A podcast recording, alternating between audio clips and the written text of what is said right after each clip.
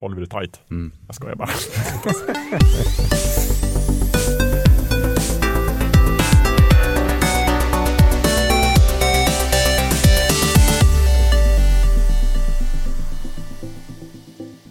Hallå hallå och välkomna till Fulkultur, den folkbildande och sedelärande podden från oss på Geeks. Med mig i studion idag har jag Andreas Eklöf och Gustav Höglund. Hej på er! Hej. Tjena. Ja, vi håller ett högt tempo idag tänkte jag. Men nu tog det stopp direkt. Ah, hur mår ni? Jo, jag mår bra. Ja, jag mår skitbra. Jag mår också bra. Mm. Då så. Jag är redo. Ja, jag också. Men eh, vad ska vi prata om idag, Lövet? Vi ska prata om eh, uppföljare. Mm. Dels vad är en uppföljare, vad är en bra uppföljare och de omdebatterade uppföljarna som vissa kanske tycker är dåliga och andra inte. Och så tittar du på mig när du säger det. Det är så typiskt. Såklart. Ja, det är en del heta potatisar som vi kanske kommer ta upp här. Men jätteintressant ämne och du har valt det och det blir Mm. jättekul. Men innan vi går in på det så skulle jag vilja fråga er vad ni har gjort och hört och sett och upplevt sen sist. Jag har kollat på Love, Death plus Robots på Netflix. Netflix-satsningen ja. Mm. En, eh, en serie av eh, små korta avsnitt, Eh, de är bara några minuter långa. Inte alls eh, matiga, men väldigt intressanta. Eh, följer olika typer av eh, berättelser, karaktärer, olika grafiska stilar. Eh, stilar. Eh, och, eh, ja, Man kan väl, det är ju 18 animerade kortfilmer. Ja. Eh, Allt från 7 minuter till 18 tror jag, 14 kanske först är. Det är Ja. ganska bra spännvidd på dem, men de är ju korta i alla fall. ja de, de, de längsta är väl typ en kvart max. Ja, jag tror första avsnittet är lite längre. Mm. Och det, det är varierande kvalitet. Eh, vissa av dem är okej, eh, de är inte, inte särskilt minnesvärda. Men några av dem gillar jag väldigt mycket. Mm. Hade väl, väldigt gärna sett att några av dem skulle bli eh, an- antingen så här långa timmesavsnitt Oj. eller göras till korta eh, liksom animerade filmer. Eh, jag gillade flera av dem eh, väldigt mycket. Så jag kan rekommendera att om, om man gillar eh, animerade kortfilmer med, med intressant berättarstil eller audiovisuell stil så borde man kolla in den. Man kan Mm. också- hitta en, en pärla bland de här eh, avsnitten. Jag har också tittat på det faktiskt. Mm. Ehm, och det är väl, de är egentligen, de är ganska skilda i handling och framförallt animationsstilen är Mm. ju helt annorlunda från avsnitt till avsnitt. Men det är ändå någonting, Love, Death plus Robots stämmer ju för de flesta. Det är ju ganska mycket eh, våld och blod och så här, inte, vissa avsnitt är cyberpunk, Mm. andra är lite mera typ westernpunk, eh, sci-fi. Eh, ganska mycket sex också i vissa avsnitt. Mm. Den skulle det kunna heta Love, Death, Sex, Robots. Ja, men ehm, jag är lite inne på ditt spår. Om jag hade, jag tror jag satte typ en tvåa eller en trea av fem på de flesta avsnitten. Men ehm, totalt skulle jag nog göra en fyra typ. Det är lite, jag skrev det i Slack tidigare, att det är lite så här eh, bättre än du vet, the sum of it par, its parts. Ja, ja men man, man känner sig lite inspirerad efter att ha tittat på det. Mm. Liksom, de där avsnitten som verkligen lyfter den får en att, att lämna serien med eh, känslan att det här var jäkligt bra. Ja. Trots att det bara är några delar som egentligen är jätte, jättebra. Mm. Jag tror jag skulle säga att de flesta avsnitten var nog typ två av fem, tre av fem kanske. Mm. Snygga men kanske inte så intressanta alla gånger. Nej. Men det fanns vissa som var så här, fan jag önskar att det fanns fem böcker på det här som jag kunde gå ner till Mm. sci-fi bokhandeln och köpa nu och lära mig allt om den här världen. Eller att Pixar skulle göra en animerad film av avsnitt två. Ja, som, mm, ja. Mm. Mm. Jag har bara sett två avsnitt faktiskt, inte i ordning. Och jag tyckte inte om något av de avsnitten. Men jag tror du måste kolla på allt. Ja, men jag ska. Ja. Men jag har bara så här, åh, den ligger ändå på listan, men just nu ganska långt ner på listan för att jag blev så icke imponerad av de två första. Men sen har jag hört er prata om det och bara, ja, jag ska ge det en chans någon gång, snart. Mm. Jag tror man gör sig en tjänst om man kollar på alla i en sittning. Och det är inte Ja. så svårt heller. Det blir Nej, det är inte så som att titta på en lång, Mm. lång film. Nej, ja, Typ. nej. Mm. Jag tror det är det som är nyckeln. För ett avsnitt i sig är inte superstarkt, men alla 18 i följd, då har man hittat någonting Mm. Mm. Ja, kardemumma. japp, okej, jag lovar. Jag ska göra det. Mm. Okej. Bra. Ja. Eh, Gustav, har du gjort något annat än att kolla på Love, Death and Robots? Eh, Jag har spelat Sekiro, Shadows Die Twice. Lite eh, nödig titel. Mm. Men, De eh, dör nog fler än två gånger. Ja, det är de.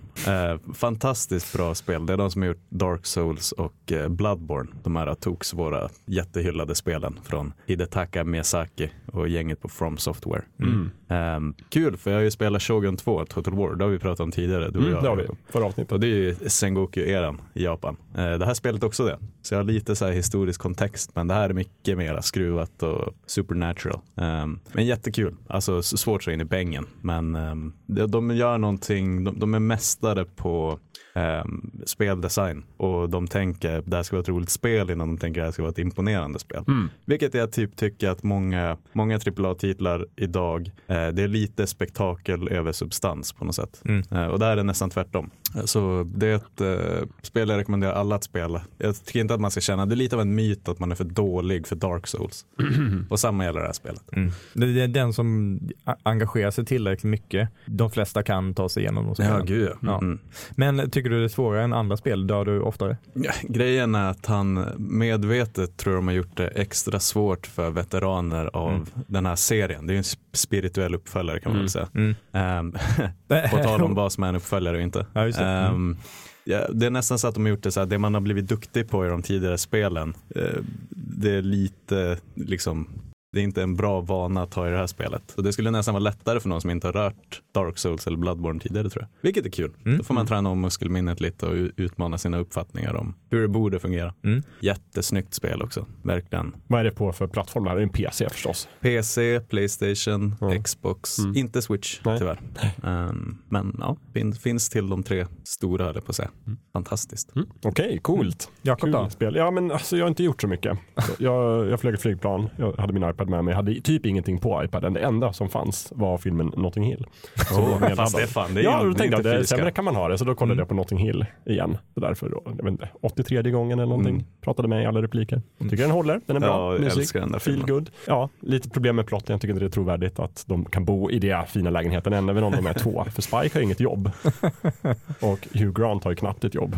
Mm. Och sen så, det är ändå en ganska fin lägenhet. Och sådär. Eh, men jo, hjärtevärmande, härlig film av, vad heter han, Richard Wright? Oj. Nej, Richard, Richard- Curtis.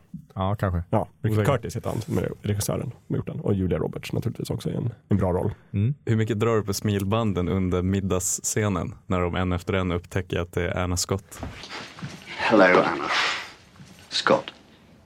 Ja, men jag minns den som roligare än jag tyckte den var. Men det är klart att man drar på smilbanden. För det är egentligen, alltså, för när jag såg den första gången, då hade jag fått för mig att ingen av det där gänget fattade att hon var en skådespelerska. Mm. Alltså inklusive Hugh Grant. Men nu när jag kollar på den så är det uppenbart att han fattar ju det på en gång. Ja, Och då tänkte jag så här, men då är det inte lika charmigt. Fast gjorde jag det. Men däremot är det väl han egentligen äh, mäklaren. Ja, äh, han som spelar, spelas av Hugh Bonneville. Ja exakt, Hugh Bonneville, fantastiskt. Eh, han vet ju inte vem det är. Nej, Sådär.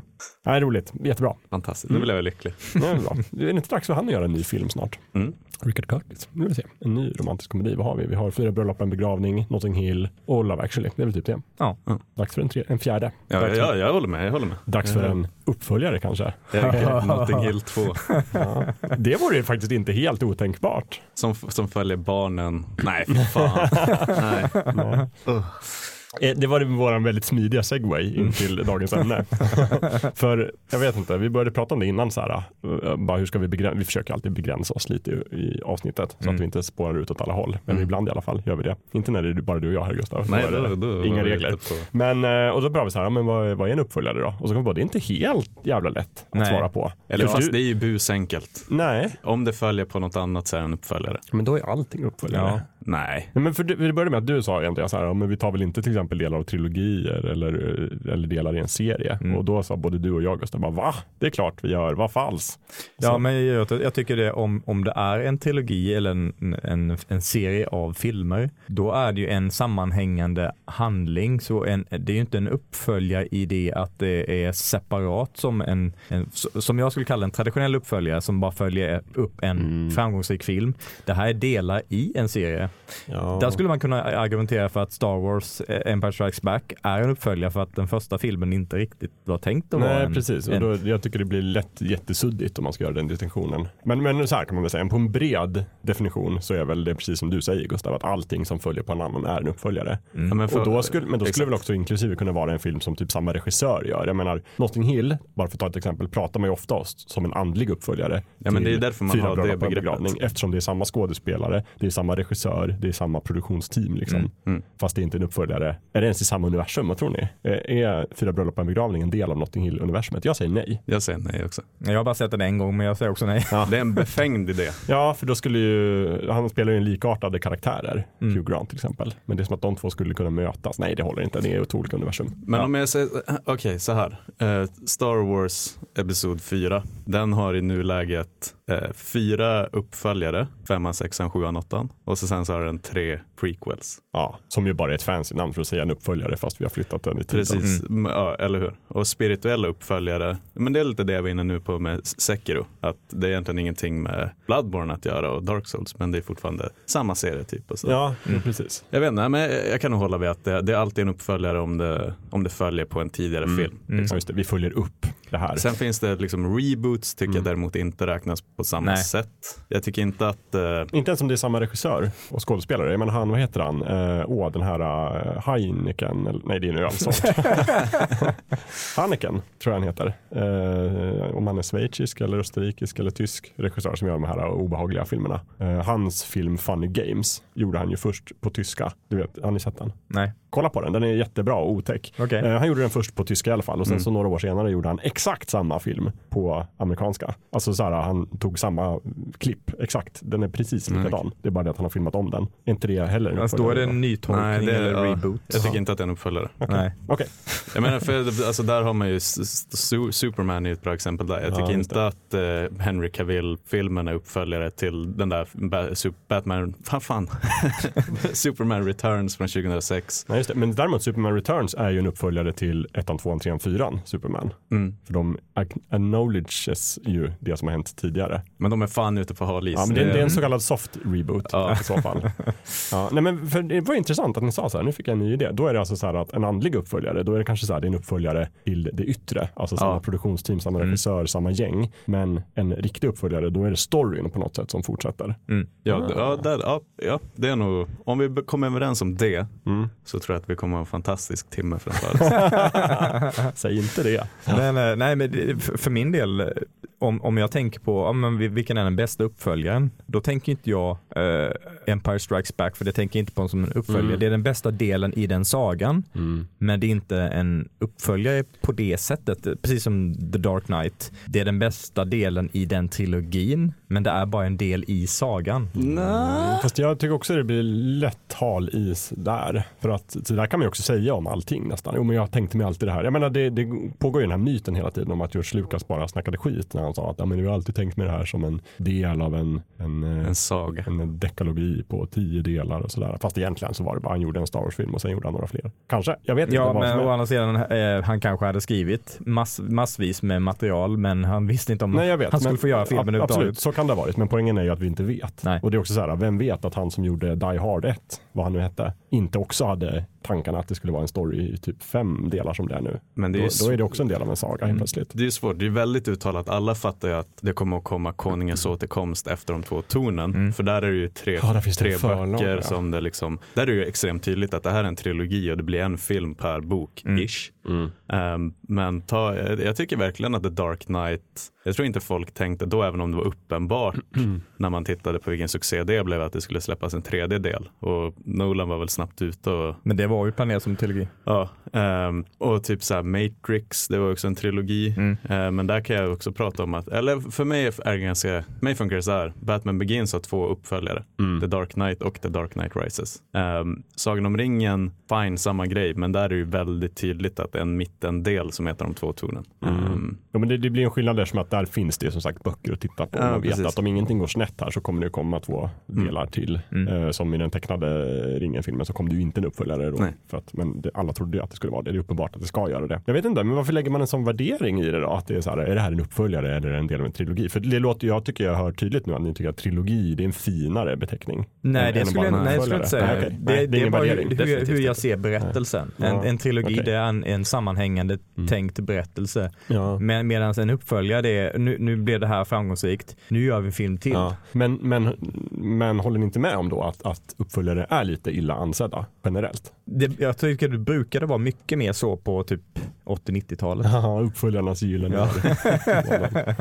Men det är, väl, det är svårt att fånga liksom blixten i flaskan en gång ja, till mm. på något sätt. Och det är det folk försöker. Mm. Och också när det blir uppföljare, jag tror Lövet har mycket den här, de gör en uppföljare för att de tjänade pengar på ettan. Mm. Mm. Det, jag tror att det är din lilla bittra grundinställning. Ja, men, det, ja, men också... det, det, är ju inte lika vanligt att uppföljare blir bättre eller lika bra. Nej, men däremot är det intressant, jag kollade på lite statistik och sen glömde jag ta med den in i studion. Men ni får tro mig på mitt ord. Jag kollade så här olika uppföljare och så kollar man dels vad de har fått för betyg av kritikerna Mm. och dels kollar man vad de har dragit in i pengar. Och de får ju nästan alltid sämre eh, omdöme av kritikerna än föregångaren. Men de drar ju nästan alltid in mer pengar. Mm. Så det är tydligt att se så här, varför en filmstudio eller regissör blir lite sugen på att göra en Mm. uppföljare till en framgångsrik film. Ja, det är inte ologiskt på något Nej. sätt alls. Man har ju en, man, man vet ju, det är en etablerad liksom, kundbas Ja. på något sätt. Mm. Men däremot så blir man väl också lite så här, fast ni gör det ju för att tjäna pengar. Då finns det någonstans, då kan man anta att det finns en så här bristande artistisk integritet Mm. bakom alltihopa. Det här är plötsligt inte ett passionsprojekt längre utan det är bara att ni vill ha pengar. Mm. Eller men- tänker man så? Fast Ja, jag tycker också att Det, jag tror det är få, regissörer förunnat, eh, att, eller vilka det är nu som har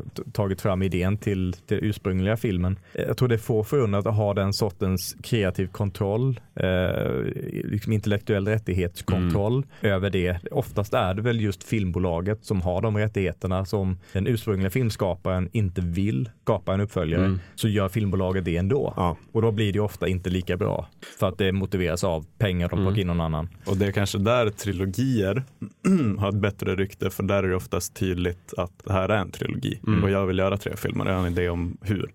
Och ibland har man inte en idé om hur, typ Hobbit, men eh, det är också en nödlösning. Men, Ja. men Ja. jag tror, alltså, om man pratar om kreativ kontroll så är det ju därför Christopher Nolan är speciell. Mm. Ehm, och James Cameron, Tarantino kanske man kan räkna Mm. in dit, men de är otroligt få som inte är uppbundna i franchise-äventyr. Liksom. Ja, så är det. Nej, men för jag tänker också så här, kring trilogi, det är ju liksom en, en etablerad narrativ modell. Alltså där treaktsupplägget, ofta kör man en film som treakt, men där går det att applicera det. Att jag ska göra tre filmer och de ska berätta en akt var i den här stora berättelsen Mm. som jag har tänkt mig. Det finns ju någonting som är beprövat där som man kan acceptera. Eh, snarare än så här, ja men nu kom Hajen 8 Mm. igen och nästa år kommer Hajen 9.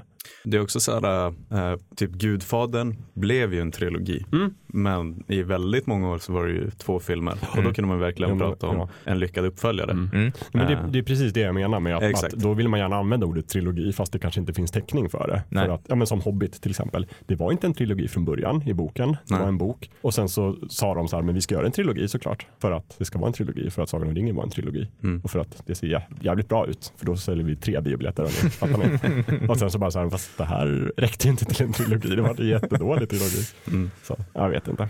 Eh, jag har en liten teori om, uh, jag funderade först på att dra i slutet, men jag kan ju ta den nu. Bara Nej, fan, kasta in- på. Jag kastar in den i, i elden och ser så här. Eh, på det man pratar om Hollywoods guldålder, vi, det blir mycket film centriskt nu, men vi kommer säkert in på spel och böcker lite också. Eh, men under Hollywoods guldålder, typ så här 30-40-talet, då var det ju, allt var ju centrerat runt skådespelare till exempel. Mm. Alltså man Mm. gjorde inte så här, nu ska vi göra en ny Marvel-universum-film, utan de nu ska vi göra en ny Clark Gable-film. Mm. Vad ska årets Clark Gable-film handla om? Bara, Ja, men här är ett manus. Och så gjorde man det och det var skådespelarna det centrerades kring. Liksom. Mm. Jag vet inte om det var uppföljare eller inte, men det var ju nya filmer. Sen kom ju James Bond på 60-talet Mm. Ja. och blev liksom det här nya sättet att göra uppföljare där det plötsligt handlade om en fiktiv karaktär och man fick liksom grunden till det, att det fanns ett fiktivt universum, att det skulle komma en fortsättning. Och så det kom säkert fortsättningar innan dess, men liksom det här blev verkligen så här, ja, men nu kommer den nya James Bond-filmen, inte den nya Sean Connery-filmen. Nej. Eh, och där var ju någonstans här grunden lagd för att göra uppföljare. Mm. En franchise. En franchise. Ja, Nej, men för, för, för sen tänker jag att Star Wars är det som sätter igång nästa fas, nämligen franchise-fasen. Mm. Med så här, eh, fast det kanske ett dåligt exempel ändå, för Star Wars är så speciell, men den gjorde ju väldigt mycket. Men idag så är vi i alla fall i den här, liksom, nu tänker de inte bara i, i James Bond-karaktären, utan nu ska Mm. det vara ett universum. Nu ska Mm. vi göra en franchise. Det ska vara eh, Marvel-universumet. Och vi ska göra, vi har massor av karaktärer, massor av huvudpersoner, Mm. massor av skådespelare. Men den samman, det som binder ihop alltihopa är att det är samma universum och vi kan referera till höger och vänster och hit och dit. Mm. Och då blir det också så här att det blir lite suddigt att prata om uppföljare. Fast det är ju uppföljare. Ja, eller det, kan här vara, det kan vara sidospår. Ja, det, det, Spinoffer. Ja. spinoffer, sidequels, prequels, allt möjligt. Fast Mm. allt är ju uppföljare. Men Ja. just den här typiska liksom, Dödligt vapen 2 finns inte längre. Utan nu är det så här, ja men alla utgår någonstans ifrån att det är klart det kommer en uppföljare. Det är klart det kommer nya Marvel-filmer. Mm. Mm. Och då tänker jag också att på ett sätt är ju det mera rörigt, men det är också så här tydligare att de har ju konstruerat filmerna redan från början för att det ska vara en del av en serie. Mm. Och där är jag osäker på om Star Wars faktiskt är det. Jag tror att möjligtvis har Star Wars liksom att de har tänkt det som en trilogi, Lucas då. Men jag är inte säker, för nu gör ju Disney verkligen så här en franchise av Star Wars. Men jag är inte säker på att den filmen verkligen är så pass lämpad att vara en franchise som till exempel Marvel-universumet. För Marvel-universumet är ju skapat från första början att vara en, en franchise och Mm. göra en miljon serier eller filmer. Mm. Men Men sen var- är det ju också problem när man skapar en, en franchise över så lång tid. Att försöka väva ihop många olika delar som är uppföljare eh, fast de ska vara en del av en sammanhängande värld och de görs i olika årtionden. Eh, det, det, är knepigt Mm. och, och Mm. verkligen få till det.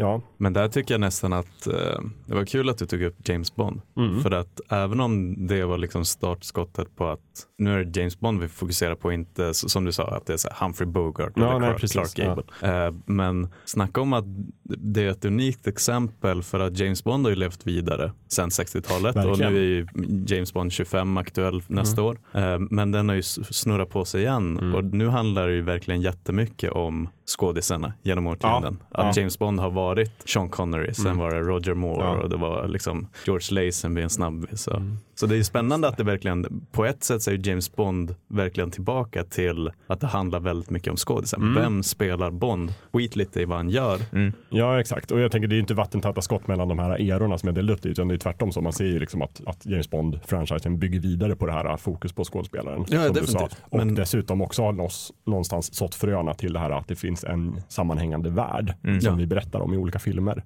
Mm. Och ja, jag vet inte, det, det funkar ju på alla nivåer någonstans, både rent kreativt, så här, hur gör man en berättelse som är avsedd att fortsätta hela tiden Mm. mot hur gör man en berättelse som är sammanhållen och det finns en början, en mitt och ett slut och det är filmen. Och när filmen är slut, då är är storyn slut, universumet slut. Mm. Det finns ju en del, tänker jag, som, som tycker att en bra film är sammanhållen på det sättet. Jag kan tänka mig att du ibland tycker det, Gustav. Att en, en bra film inte behöver en uppföljare. Ja, en bra film är sin egen och står på egna ben. Mm, lite både och kanske. Eh, jag, jag tycker definitivt, eh, men det är ju ingen hemlighet heller. Jag är inte jättestor på Marvel Nej, precis. Eh, MCU nej, till nej. exempel. Eh, jag tycker verkligen att det är härligt att det finns liksom en motreaktion just nu mitt i franchise-hetsen. Mm. Att det släpps de här eh, liksom enskilda filmerna, de riktigt bra filmerna som inte behöver två uppföljare. Mm. Eh, det är därför jag tycker om Christopher Nolan nu. Det är, ingen, alltså det är inget bold statement att säga att man tycker om Christopher Nolans filmer. Nej. Men Nej. jag tycker verkligen om, jag tar hellre en Dunkirk eller en Interstellar än en tredje del i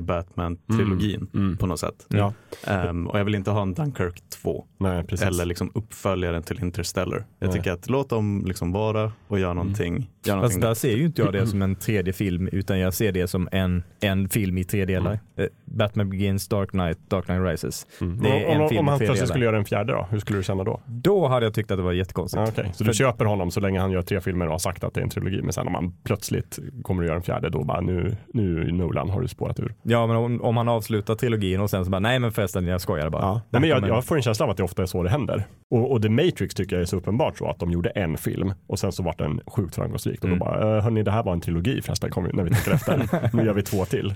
Och Tillbaka till framtiden var lite också så. Det var ju, där vet vi ju, det var inte tänkt att bli en trilogi. Nej. Det var tänkt att vara en film och sen så vart den sjukt framgångsrik och alla sa så här, nu gör vi två till på Mm. en gång. Men jag tror också att det handlar om hur mycket man tycker att uppföljarna liksom eh, befläckar den första filmen Ja. på något sätt. Ehm, för att Oceans Eleven till exempel, den tycker jag är en av mina favoritfilmer. Ja, den, den- fungerar den står ju verkligen, väldigt den bra på står egna på ben. egna ben. Ja. Men jag har ingenting emot att det finns en Oceans 12 och 13 och nu på senare år en Oceans 8 också. Nej, just det, just det.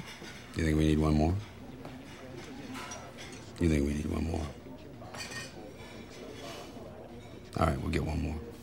Eh, Det har jag inga större problem med. Lite samma sak Mm. med Pirates-filmen också. Mm. Första filmen är ju fantastisk på det Mm. sättet att den, den stänger inte för uppföljare men den står verkligen på egna ben. Ja. Eh, Jag tycker inte att de två uppföljarna är lika bra alls. Nej. Men där är inte heller ett problem att Det finns de finns där. Liksom. Ja, fem kanske och de har ju blivit sämre och sämre. Ehm, jag tror det bara handlar om liksom, Matrix är ett bra exempel på när det känns liksom som att fan vad vi önskade att uppföljarna liksom inte existerade. Typ. Mm. Oh ja. Och de är ju extremt här, på Reddit säger folk så här, oj de pratar vi inte om. Nej. Mm. Nej. Men det, det är ju samma sak som i, i Hajen och eh, eh, Alien exempelvis. de eh, franchiserna. Det, det finns ju uppföljare där som inte är så dåliga, som, som inte befläckar upplevelsen. Men när, när de kommer till typ som Alien 4, vissa kanske skulle hävda Alien 3, men jag skulle säga Alien 4 och Hajen 3. Mm. då, då blir det, så här, det blir lite, det befläckar lite serien. Första och andra filmen är fortfarande bra, Mm. men man tänker inte riktigt på Hajen-serien som den där fantastiska serien Nej. som den var med första filmen och jag skulle hävda även andra. Den, den är väldigt lik första men den är inte dålig. Mm. Eh, men- jag tänker ju inte på franchisen som den där fantastiska franchisen på grund av uppföljarna. Framförallt The, Reve- The Revenge som är en kalkonfilm av eh, utan dess like. Men jag, jag faller ändå tillbaka lite på det här just att det handlar så mycket om vad man hade tänkt från början. Mm. Alltså, jag tycker oftast det går att se så här att ja, men redan i den här filmen så la ni någon sorts bra grund för att det skulle kunna fortsätta historien. Mm. Och, och den ser jag ju inte alls i The Matrix, utan jag tycker det är så uppenbart att de har gjort en film som är tänkt att sluta på det fantastiskt bra sättet som Mm. Matrix slutar Och så ska på. man bara drömma om Ja. det sen. Vad och vad hände sen? Ja, det får ni aldrig veta. Men sen bara några år senare, jo förresten, det får ni veta. Vi ska berätta allt. Vi ska visa varenda liten grej. Nu, oj, oj, oj, oj, vi ska avmystifiera alltihopa. Och det är också så här, jag kan ju verkligen uppskatta en film som Interstellar, Mm. som berättar en historia och gör det. Och Mm. blir en uppföljare nu på Interstellar, då är det så jävla uppenbart att antingen att någon behöver pengar, eller möjligtvis att Nolan har vaknat imorgon och bara, men jag har en fantastisk idé på en Mm. uppföljare. Mm. Och så då är, men då är det verkligen upp till bevis. Men däremot i Marvel-filmerna, så här, de, det är någon sorts, så det är så inbyggt i hela de filmerna från första början att det här ska vara en jävla franchise. Mm. Bara så ni vet, vi heter Disney, vi har Marvel-filmer och det kommer komma 8000, de kommer aldrig sluta och det finns aldrig något tvivel på det. Men, Men- någonstans, därför så tycker jag också att då blir det oftast bättre uppföljare, även om så här, ribban överlag kanske är lite lägre Mm. konstnärligt. Men de eh, Marvel-filmerna, MCU, där, där håller de ju ändå filmerna ganska fristående. Alltså Ja. de, de, de klarar sig hyggligt bra för sig själva även om de kopplas in i det, Mm. det stora universumet. Men eh, som här Dark Universe Mm. eh, universumet där de försökte bygga upp med The Mummy, nya The Mummy. Oj, oj, oj. Ja. De, skulle, de skulle koppla in Mm. alla de där gamla Dark Universe eh, monsterna i den här Ja. serien. Precis. Och den, den filmen drabbades ju jättemycket av att den, den var tänkt från början att ingå i det här stora Mm. universumet. Ja. Och den står ju inte för sig själv alls. Nej, precis. Men, men det är ju lite det jag menar där, att när Marvel, så Studios eller Disney då, som sen köpte den ganska snabbt, det de har att bygga på där är ju en mång, mångårig tradition av serietidningskulturen. Ja, Där Marvel, ja, där de, de har ju gjort en vetenskap av det här. Liksom. Det finns direkta uppföljare, det finns crossovers, det finns spin-off-titlar, det finns fristående nummer. En del är väldigt viktigt att du ska ha sett några, läst några nummer tidigare för att veta Mm. vad som händer och Mm. liksom så här, andra är fristående. Och det har de ju satt i filmen också. Så här. Du kan ju såklart se Ant-Man utan att veta ett dugg om Thor. Mm. Men ska du se Infinity War, då ska du förmodligen ha sett åtminstone några av de här tidigare filmerna. Ja. Och det är liksom, de går den balansgången hela tiden och de är skickliga på det. Till skillnad från liksom det här, vad sa du, Dark, Dark Universe, Universe. Och sådär. Det är uppenbart att men vi har ju samlat ihop några franchises här som vi tycker passar bra ihop. Mm. Nu ska vi limma ihop det till ett universum. Vi ska ha vårt MCU. Eller Hasbro som också ska göra sitt eget Mm. delade universum med typ Transformers, G.I. Joe och Mask och gud vad de heter. Ja. Det, det passar inte ihop. Nej. Men på sätt och vis så jag förstår ju att, för jag är inte, eh, jag säger att jag är för ung för det, det är inte sant, men jag har inte läst så mycket serietidningar i mina dagar.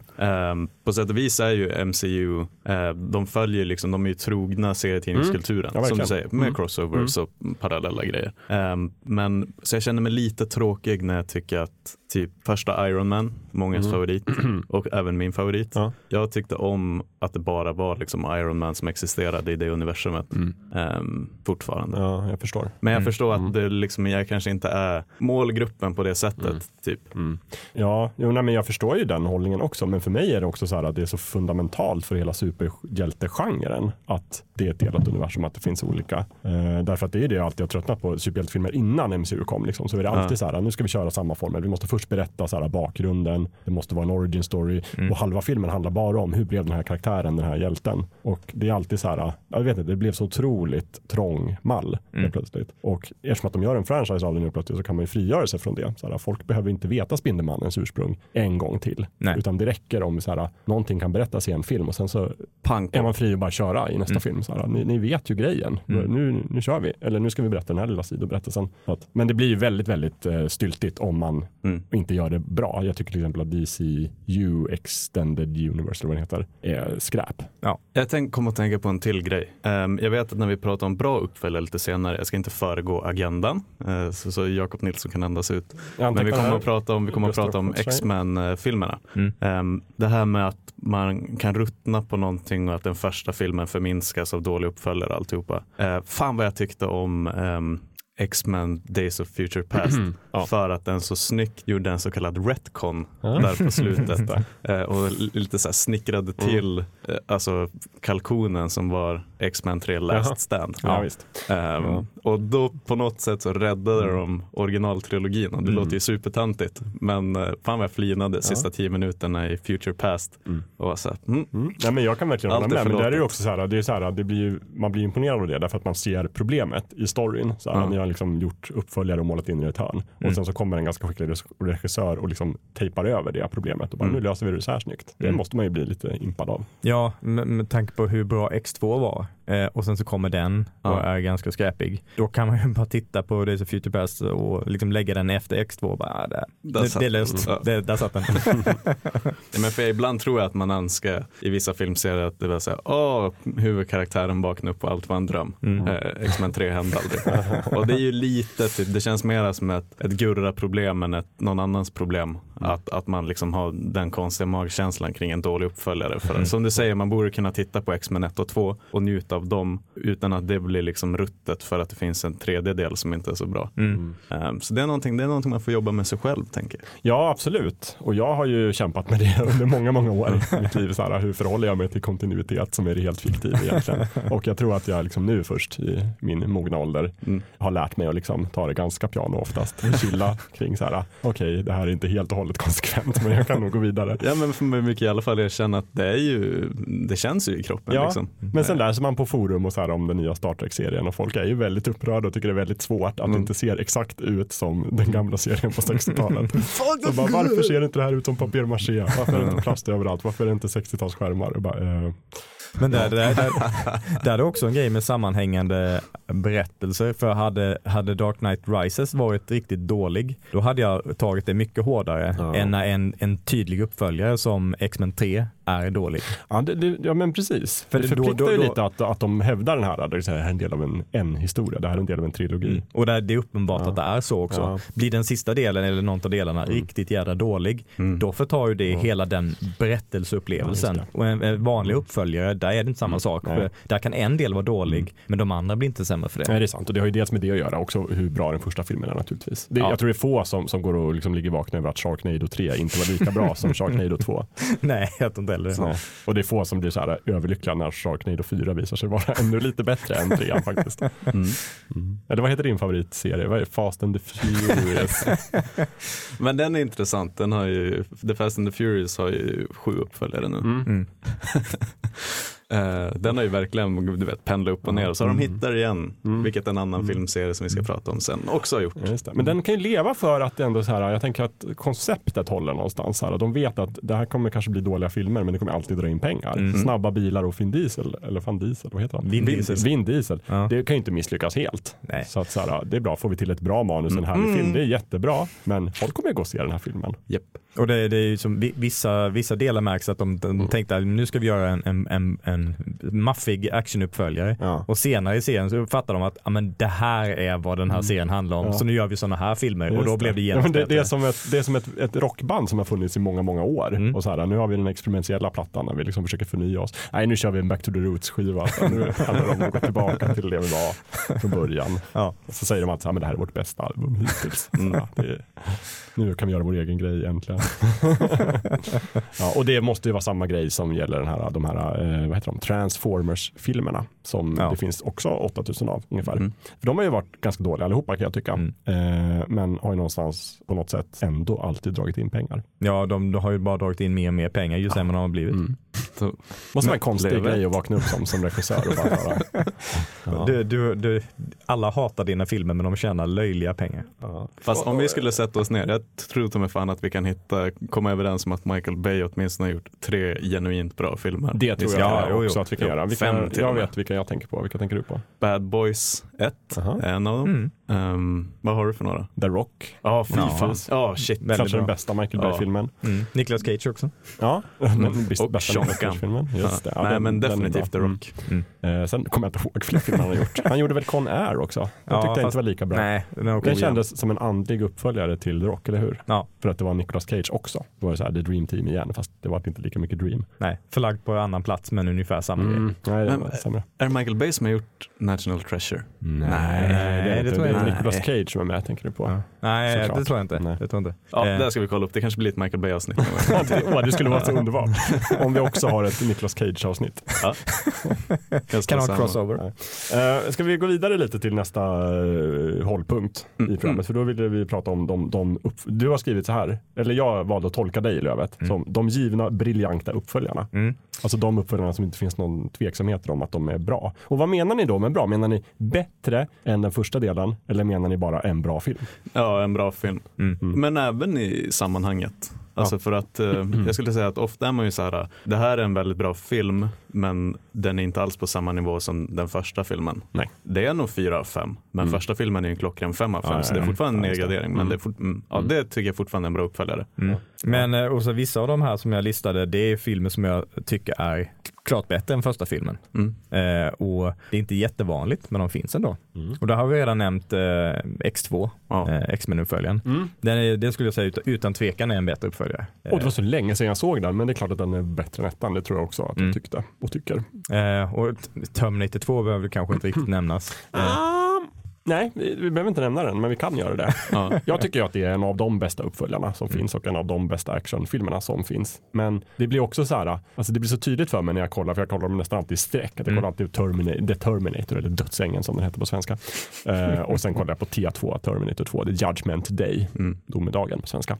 Eh, och tycker att det är, så här, det är så två olika genrer ibland nästan. Samtidigt har de en sån otroligt tät kontinuitet. Samtidigt är det så uppenbart att första Terminator är en så här, otroligt billig, alltså James Cameron gör sin första film. Ja. Och den har ju briljans men den är också så alltså, fejkad på vissa sätt. En del grejer är riktigt dåliga. Och tvåan är så mycket mer slimmad och påkostad och liksom storslagen. Så det är verkligen det som två olika genrer nästan. Och ändå gillar jag ettan bättre ibland. Sådär, bara för att den är så eh, genuin på något sätt. Ja, jo, det, det kan ju vara en egen kvalitet i sig. Ja. Men som, som film tycker jag ändå tvåan är betydligt Ja, ja, bättre. men mycket bättre. men det, det finns en klart charm i den där, att då han gör så mycket med så små medel. Ja. Men för sen är det också det att jag tycker att Terminator 2 hade ju aldrig varit lika bra om inte ettan fanns som Nej. den kunde stå på. Mm. Därför tycker jag det är väldigt viktigt att man ser båda. Medan många säger så här, "Bara, men du kan gå direkt på tvåan. Nej, det tycker jag bara, inte. Men vad, då, då fattar man inte vad det handlar om, Nej. tycker jag. Och sen Men- behöver man aldrig se trean eller fyran eller Just det där med genrebytet och Cameron, för det är ju samma grej med Alien och Aliens. just Mm. det. Nu har ju inte han regisserat båda dem som med Terminator, men att det också går från en skräckfilm till Mm. mycket mer av en actionfilm Ja, med skräckinslag. action- och det är ju det som är i Termin- Mm. första Terminator, är mycket mer den här, det kommer ett Ja, monster. det, är, det är en jaktfilm. Så, Ja, liksom. mm. Och tvåan är liksom en full-blown actionrulle. Ja.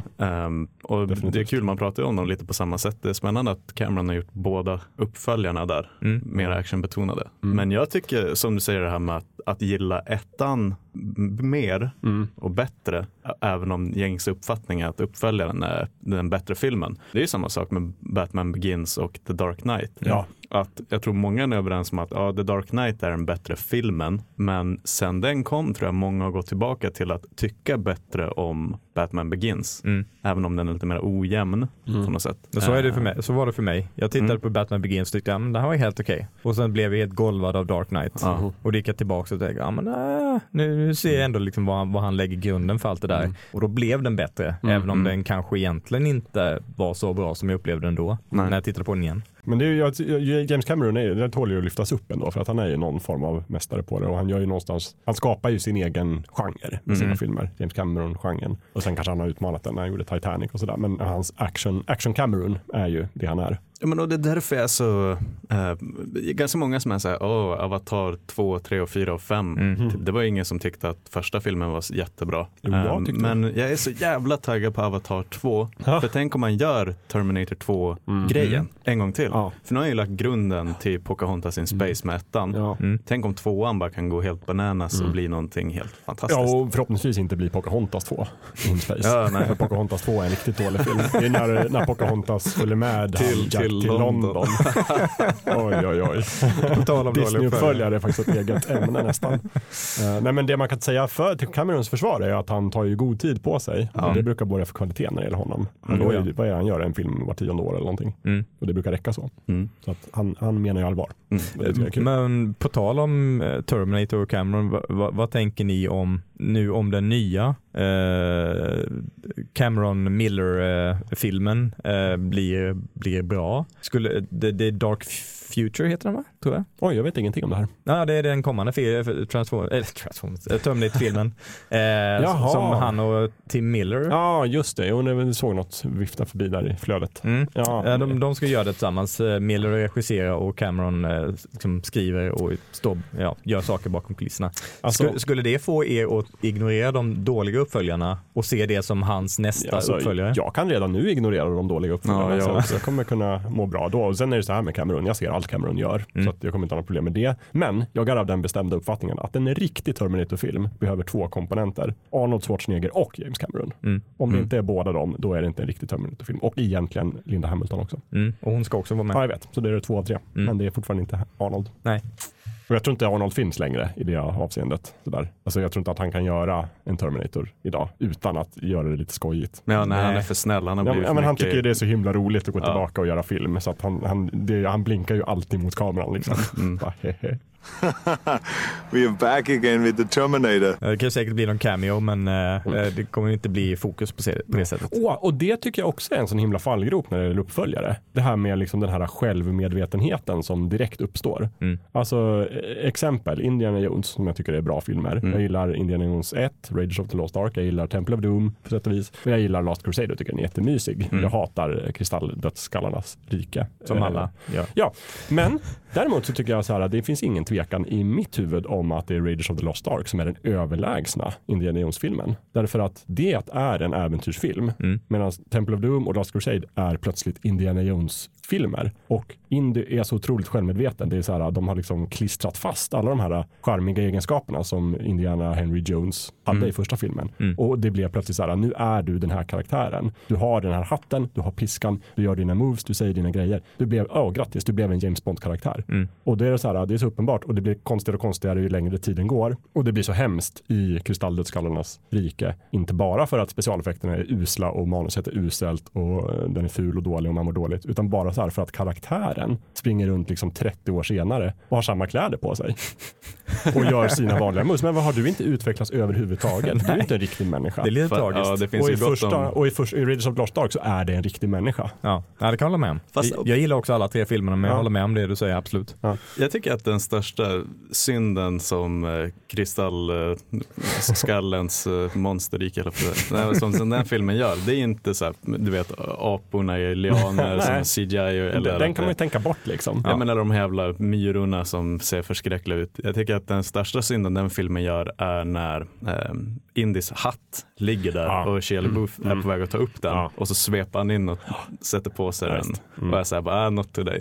För den är så himla självmedveten, den lilla Jag scenen. vet. Jag vet. Och så här betydelsen med hatten. Men, och, och den här hatten som liksom åker, den har ju åkt genom hela trilogin och den fjärde filmen och den är ju verkligen symbolen för precis det jag menar, det och piskan. Liksom, Mm. och sådär. Men jag kan verkligen tänka mig, om de hade kört, alltså början på Temple of Doom, när han är i Shanghai och har eh, smoking på sig, och det är mycket mer i James Bond. Mm. Herregud, hade de gjort hela uppföljaren på det sättet så hade jag älskat den. För då är den så här, det här är samma karaktär, men han är fan inte bund, han är inte bara ute i djungeln och har sin väst på sig och sin piska och Nej, hittar Han är lite skatter. svettig och snygg. Nej men precis, utan det är så här, det är mer en person som upplever olika äventyr. Men jag tycker ändå att de håller en, eh, alltså jag är ju en Spielberg-apologist på alla avseenden. Eh, så här, om man tar Pirates-filmerna, där tycker jag att det som man brukar så ofta prata om med, med tv-serier, att för varje säsong som går så blir karaktärerna Just karikatyrer. Ja, Mm. Flandersation. Ja, men precis. Flander blir tokare och tokare för varje säsong. Ja, Ja. och i Vänner, Joey blir puck, mer Ja, puckad exakt. för varje säsong Ross som blir går. mer och mer neurotisk. Ja. Eh, det hände ju verkligen i Pirates-rullarna. Att det som började med en extremt spännande karaktär Mm. i Jack Sparrow har ju blivit något, du vet, sönderalka pajas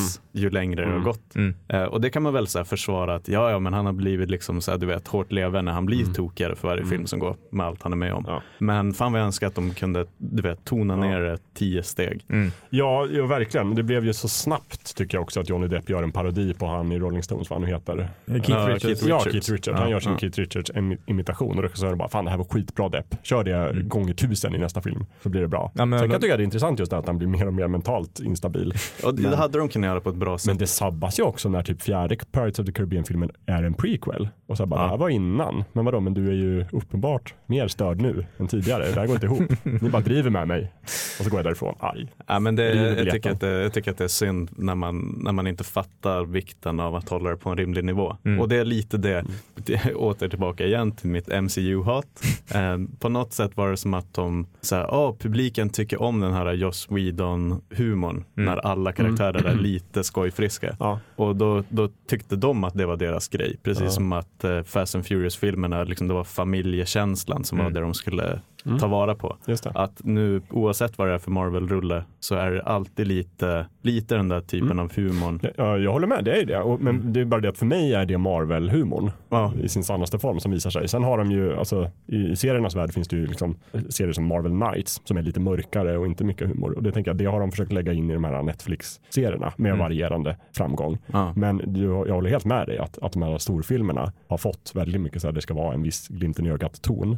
Det är bara det att jag tycker att de kommer undan med det mera för att det är så etablerat från början. Men Ja, det, det jo, märks ju så Men jag tydligt. förstår folk som stör sig på det. Det märks ju så tydligt med till exempel Thor-filmerna. Eh, hur, hur han går från att vara lite skojfrisk men absolut inte liksom haha eh, karaktären till i Ragnarök. Ja, Var, det är ju. väldigt mycket humor i den filmen. Eh, och det märks ju att eh, Whedons influens Ja. på det universumet är ganska stark. Ja. Jo visst, och det, det- jag tror det med de har sagt det så att alltså, nyckeln var så här, efter Guardians of the Galaxy. När vi gjorde den filmen och den blev typ en megasuccé. Då fattade vi, ja men vi kan göra vad som helst. Ja. Det är bara lugnt, vi kan köra på. Det är så, här, så länge det är lite skojfriskt och glimten i ögat, då kommer folk att gå och titta. Mm. Och det, så är det ju verkligen. Men däremot, jag skulle bli jätteglad om de, vår favoritfilm Captain America Winter Soldier, om de faktiskt gick mer i den riktningen och gjorde en Ja. så här, inte lika skojfrisk, storslagen film, liksom, utan en mera, så här, jag skulle vilja ha en riktigt mörk Marvel-film. Det vore fantastiskt. Men framförallt tror jag att det hade hjälpt dem att låt Guardians-gänget vara wisecrackers Ja. hela, allihopa. Och när alla möts typ i Endgame eller Infinity War så blir det sådana kontraster. Ja. Att man har den här superallvarliga Captain America, vilket han, ja det är han väl på sätt och vis. Men, Ish. Ish. men Jag tycker också liksom- det, man, man ser ju lite där också Chris Evans, att han är lite så här, bara, jaha jag spelar den här karaktären. Ja, ja men grundvattennivån är så jävla hög när det Ja. kommer till skämten. Jo. Att det, är liksom, det, det är roliga personer och jätteroliga personer. Mm. Det är inte de här gravallvarliga som står i kontrast. Eh, men fan, det är någonting mer jag tänker på kring det där att ehm, Just Winter Soldier är ett ex- exempel på en bra uppföljare. Eller som är bättre än första. Oh ja, Winter Mm. Soldier är grym. Men det jag skulle säga var att det här med, som du säger, att det, jag håller helt med om att det, de, de sådde det fröet väldigt tidigt i Marvel-filmerna att de skulle vara, ha liksom en humoristisk ton, Mm. många av dem. Och jag tror det är därför jättemånga hade problem när eh, The Last Jedi plötsligt hade den Ja. typen av Whedon, Ja. din mamma-skämt Ja. de första fem minuterna. Och så var det, skar sig helt med det Star Wars brukar vara, eller ska vara men, och det är inte sätt. bara, alltså, det är ju ett virus för att det Ja. vore ju en sak om den var liksom contained till Marvel-universumet men den har ju spridit sig över hela Disney in Mm. i Star Wars-universumet vilket folk blir sura över. För att det- har ju spridit sig till andra studios också. Jag menar DC försöker göra exakt samma sak, det är bara att de är mycket mindre skickliga på det. Mm. Men det är så här, Det är Jaha. lönsamt. ja, allt ska vara lite haha självmedvetet Mm. blink och det är väl kanske också en tiden så men motorn i det är ju Marvel-universumet. Ja. Mm. Så att kanske civilisationens undergång, vi får se. Kanske. jag är redo att gå förbi den där, det där stadiet i alla fall. Ja men jo, lite så känner vi det också. Men det är också därför jag tycker det känns så fräscht med de här äh, kreatörerna som Christopher Nolan Mm. som gör sin grej och Cameron också för den delen. Så här, man vet ju vad de kommer göra. De kommer inte göra en Marvel universum stilfilm Nej. utan han kommer göra en Nolan-film och en Mm. Cameron-film och det är ju underbart. Ja. Och Wes Anderson gör sina filmer och sådär. Ja. och de gör inte så många uppföljare någon av dem, möjligtvis Cameron liksom. Och nu ska jag göra fyra stycken på tre år. Ja, Får vi se det då. det kan också vara något han bara sagt, tänker jag. Ja. Men vad har vi mer Eh, på de briljanta? jag kom på en sak eh, som jag eh, tänkte på tidigare, det här med att man måste ha uppföljaren, eller originalfilmen, för att kunna uppskatta uppföljaren, att den ska ha någonting att stå på. Mm. Mad Max 2, The Road Warrior, är ett exempel på där det inte är så. Mm. Där kan man helt ignorera första Mm. filmen. Första filmen är mycket sämre. Den är, ah, den är okej okej men den är lite tråkig också. Eh, och man, om, om man tittar på tvåan behöver inte veta någonting om första filmen för att uppskatta den. Den, är, den är verkligen helt fristående från första filmen. Mm. Jag tror många som har sett första filmen, om de inte tänkte på titeln, Mm. inser inte ens att det är, samma universum. Nej, nej, alltså ettan är ju verkligen, känns nästan som en koncept indie-film Ja, jämfört tvåan. vilket det lite, lite var. Ja, Ja, Tack på resurserna. Och, Lågbudget australiensk. Så, här. ja. Ja. men, den, men du tycker att, eh, placerar du Mad Max 2 uppe där på topp 5, topp 10 över uppföljare som verkligen, Som är, ja, när man ska prata överträffa eh, originalfilmen, absolut. Det är, Mm. Den är milsvid mycket bättre Mm. än första filmen. Men kan vi inte namedroppa lite riktigt bra uppföljare då? Ja. Ni har, ni har ju säkert förberett, det har inte jag gjort men jag kan väl. nej jag har förberett också. Eh, ja, då, jag har ju redan nämnt Mad Max 2 Ja. då. Det, det är ett, ett av mina givna exempel. Ehm, och ehm, jag skulle säga Star Trek 2, Wrath of Khan, är också ett givet Ja, exempel. Den tycker jag är mycket bättre än första filmen. Mm. Där, där vet jag inte om det är liksom allmän konsensus, men för mig har det alltid varit givet att den är mycket bättre. Mm, men jag tror om det finns en enda sak som alla Star Wars-fan eller Star Trek-fans enas om så är det väl att Wrath of Khan är den bästa Star Trek-filmen. Ja. Jag tror att det finns nästan ingen som säger något annat. Nej, det tror inte jag heller. Någonstans någon, på någon gata i någon okänd by kanske det finns någon men i princip inte. De kanske tycker att fyran är bäst. Ja. Och de har fel. Ja. Eh, Eh, jag skulle vilja slänga in eh, The Born Supremacy och The Born Ultimatum. Jag har så jäkla svårt att Ja, jag särskilja dem. Det- Varför kallar de inte ettan, tvåan, trean? För jag förstår inte vilken som är första. The Born... De, Cons- de går Identity, Supremacy och Ultimatum. Okej. Um, Och vad heter den nästa som inte han är med i? eh, The Born Legacy. Ja, just det. är Och vad heter den femte som han är med i? Born tror jag va? Nej men, tokigt. Ja, okej. Jag tror Eller inte jag, jag, jag har Bourne. sett den ens.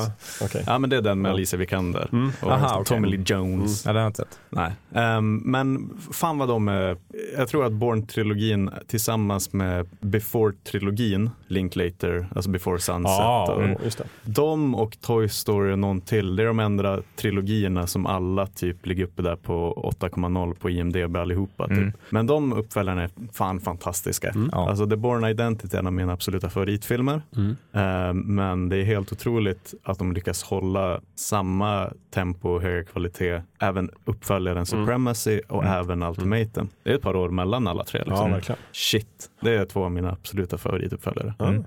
Men tycker du också att Toy Story 2 är eh, en eh, bättre uppföljare? För jag, jag var lite så här, jag, jag tycker nog det, men jag var lite, lite osäker på eh, vad är allmän, allmänna tanken om, om Nej. de filmerna? Eh, Jag tror nog fortfarande att jag tycker att Toy Story 1 är bättre än 2 som är bättre än 3. Mm. Um, men det är för att eh, Toy Story 1 kom verkligen precis rätt tid för mig Mm. när jag var en liten kid.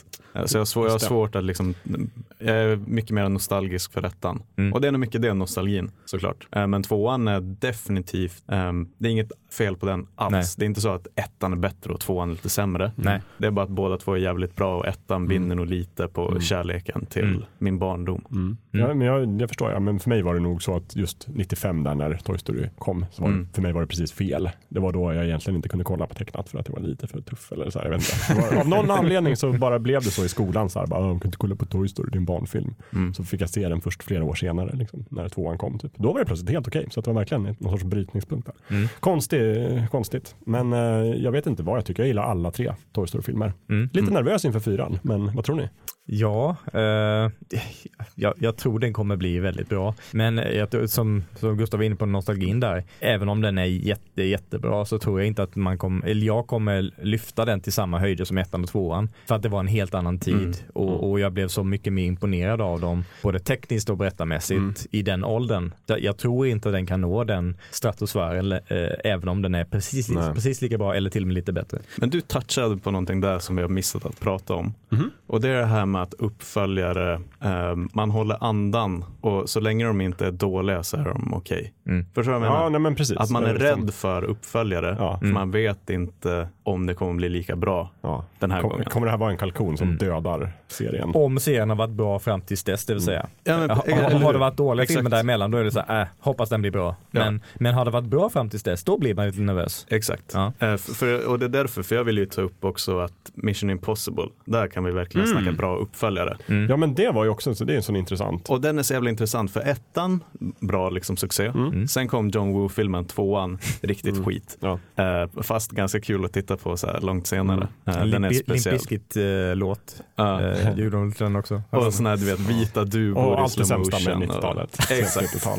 Eh, och han är långhårig. Inklusive de här klipp och cut and paste explosionerna som så här, men det här har Ja. vi tagit från typ biblioteket. Alla explosioner såg exakt likadant ut 97 där. Ja men för där kan man ju verkligen snacka om att jag tror folk var lite rädda för oj kommer Mission Impossible 2 att bli bra? Nej Mm. det blev den inte, dålig känsla i magen. Så hade folk som rutten inställning Ja. till de där filmerna att när trean skulle släppas Mm. ehm, så var folk så här, ja fuck it, en till Mission Impossible. Och så var den riktigt bra. Ja. Och då blir man plötsligt så, wow! Och så sen så var nästa film bättre än trean Mm. och så sen efter det, papp, papp, papp. Nu är det väl lite så här, jag, jag tycker att eh, Rogue Nation och eh, den senaste Fallout, Fallout. de är nog i paritet med varandra. Ja. Eh, men fan vad de har växt och växt Ja. och växt. Alltså. Jag håller med. Det roliga med mig är att jag har någon form av radar för sånt där. För jag såg liksom Mission Impossible 1. Mm. Och sen såg jag aldrig tvåan. Jag har fortfarande inte sett tvåan. Och sen så såg jag trean Mm. och tyckte den var jättebra. Sen har jag sett fyran och tyckte den är den bästa. Brad Bird. Ja, och den sen är shit. jag Micke Nyqvist. femman och sexan tycker jag är jättebra. Och det är en väldigt stabil eh, serie skulle Mm. jag säga ändå nu. jag har inte det- sett de senaste, men, men det, hade, hade trean varit dålig, då hade Ja. Blivit en annan inställning till, eh, då hade nog fler hoppat de andra filmerna för att de Det tänker, tror jag. äh, mer skräp. Mm. Men de, de räddade en dålig tvåa med en bra trea så att folk hade lite förtroende kvar för serien när den skulle fortsätta. Och där tror jag nästan man kan snacka om att en dålig uppföljare verkligen kan ge en tredje film en riktig skjuts. Ja. Mm. om, om, om Mission Impossible 3 hade följt direkt på ettan så hade folk tyckt den här är bra. Mm. Men när den följer snedsteget som var tvåan så tycker nog många att fan vad bra den här är Mm. för att det på något sätt räddar Ja, visst. misslyckandet. Men det handlar ju också lite om hur man säljer in den då. För de sålde in den ganska tydligt som att så här, det här är lite av en nystart. Det är en ny Ja. regissör. Vi har liksom, kolla den här fantastiska, jag kommer inte ihåg vad han heter, han som är skurken. Han som har dött. Philip Seymour Hoffman. Philip Seymour Åh, Hoffman, ja, just just det. Ja. Philip Seymour Hoffman gör en Suverän. grym skurkinsats Ja. alltså. Så Ja. jävla obehaglig. Verkligen. Bä- bästa skurken i Mission Impossible-filmerna tycker Mm. jag. Det tror jag. Eh, sen var ju Mission Impossible var ju en gammal tv-serie också som jag tittade på när jag var Mm. liten. Och de gjorde en tv-film som avslutning där de är i Sydney och försöker blåsa typ en knarklangare genom att ha så här optiska illusioner och fake guld och så här masker på sig. Och det är en fantastisk film. Rekommenderas. Den har inte sett. Ja, men den är jättebra och det är en spännande scen där typ skurken eller hjälten, jag kommer inte ihåg, är på den här bron. Det är i Sydney som sagt vid operahuset och så är de på bron och så blir typ hjälten jagad av en skurk där, försöker döda honom liksom uppe på bron. Väldigt tight actionscen. Det är inte riktigt Tom Cruise men det är, den är ändå sevärd tycker jag. Ja. Men ehm, också så här på tal om bra uppföljare, för jag, jag tycker att ehm, du nämnde Indiana Jones tidigare. För där var ju Temple of Doom lite den här experimentella uppföljaren. När vi tänker att nu ska vi inte göra om samma grej igen med nazister och liksom öknen. Och, Utan då stack de till Indien istället, eller de var inte i Indien. Jag tror de var i Malaysia typ. Ja, skitsamma. Den utspelar sig inte. Ja, eller hur. Ehm, och så sen så upptäckte de att ja, okej, den fick lite blandad, bland på sig liksom, kritikmässigt. Så därför gör vi Raiders of the Lost Ark en gång till, fast med Sean Connery, Ja. eh, till det sista korståget. Liksom. Ja. Och det är lite den här tillrättalagda uppföljaren där man gör, går tillbaka Ja. väldigt safe och gör det som funkade en gång vi, vi, vi förut. kör samma recept fast vi blandar in några nya ingredienser. Ja. Och en av de ingredienserna är Sean Connery. Och jag tycker att eh, alltså, The Last Crusade är en riktigt bra film, det också. Men det är, man kan ju inte komma ifrån att det är ju liksom, det är ju en ganska snarlik, eh, Ja. snarlikt koncept. Jo men liksom. Men det är ju samma sak som eh, eh, The Force Awakens, Exakt. Star Wars. Det fick ju kritik för att det är för likt Ja. eh, New Hope. Mm. Och det håller jag, den är med, den är absolut lik, väldigt lik i struktur och eh, temposättning och sådär. Men jag tycker den är jättebra. Så, så mig stör det inte att den är väldigt lik en tidigare del i serien. Eh, så länge som det, det nya den tillför är riktigt väl genomfört. Det stör mig. Alltså jag, jag tyckte att det kändes som att eh, Disney kände det är för mycket pengar, vi kan inte riskera att göra en Phantom Menace. Eh, så vi gör, vi gör fyran en gång till. Eh, det var, den, jag hade svårt att liksom suga sig in i The Force Awakens. För jag tänkte för mycket på liksom, jaha, oj, det är verkligen samma, samma upplägg. Eh, så så det, det stör definitivt mig. Mm, ja, det- jag är helt på andra sidan. Jag uppskattade den för att den, den följde en bekant struktur Mm. men den berättade ändå någonting nytt. Men jag är ju skruvad. Jag, jag tycker ju, jag håller ju typ episod 1 högre än episod 7. Men det, det måste vi skylla på din barndom. Ja, det du har ju vuxit upp under 90-talet. Vad- Hur ska man göra? Du var inte skyddad mot det där. Ja, men för, för mig är det, och det här är också dumt, eh, för det stämmer inte alls egentligen. Men om du sa att det är inte Terminator om det inte är Cameron och Schwarzenegger. Ja. Jag tycker inte att det är Star Wars, jag tycker inte att det är Skywalker-sagan om det inte är George Lucas. Och jag- Och jag har känt, jag har varit på alla delar av det här känslospektrat, Mm. mm. Star Wars-universumet. Men jag kände väldigt mycket när jag såg Force Awakens på olika sätt. Och nu för tiden känner jag ingenting. Men med originaltrilogin kände jag också så. Sen släppte Mm. han 1 till 3 och det så bara nej. Du är inte Star Wars. Han har tappat mandat. ja, fullständigt. Du är inte min Star Wars. Får jag bara snabbt, får jag bara snabbt dyka tillbaka till den här Before-trilogin som du sa. Ja. Som jag också är en av mina absoluta favorit Ja, shit. serie, Mm. tre, tre delar. Men jag tycker bara en sån himla bra grej han gör där, Rickard Linklater. Linklater. Linklater. Eh, Link me later. är så här att filmerna utspelar sig med tio års mellanrum. Mm. Och han väntar tio år Ja. med att göra filmerna. Det bygger så mycket, det är liksom, där, ja du har material, jag, kö, jag ger dig verkligen en fri biljett för att nu har du väntat tio år och bevisat att, eftersom att filmerna är uppbyggda så, så de bygger Mm. väldigt mycket på vad som har hänt under tio år. Och liksom, det, det är briljant, det är smart. Tänk Mm. om Disney hade det tålamodet. Ja men det var Kommer därför, för när Boyhood kom och de verkligen hade, Ja, gud, ja. då satte det verkligen i system. Ja, bara jag är Eh. numera regissören som tar otroligt lång tid på mig för att Exakt. få det rätt. Det är så här, ja, Peter Jackson åkte ett år tidigare och började plantera växter i fylka. Mm. Men jag, jag ser till att haffa en unge när han är två år så jag börjar filma honom direkt.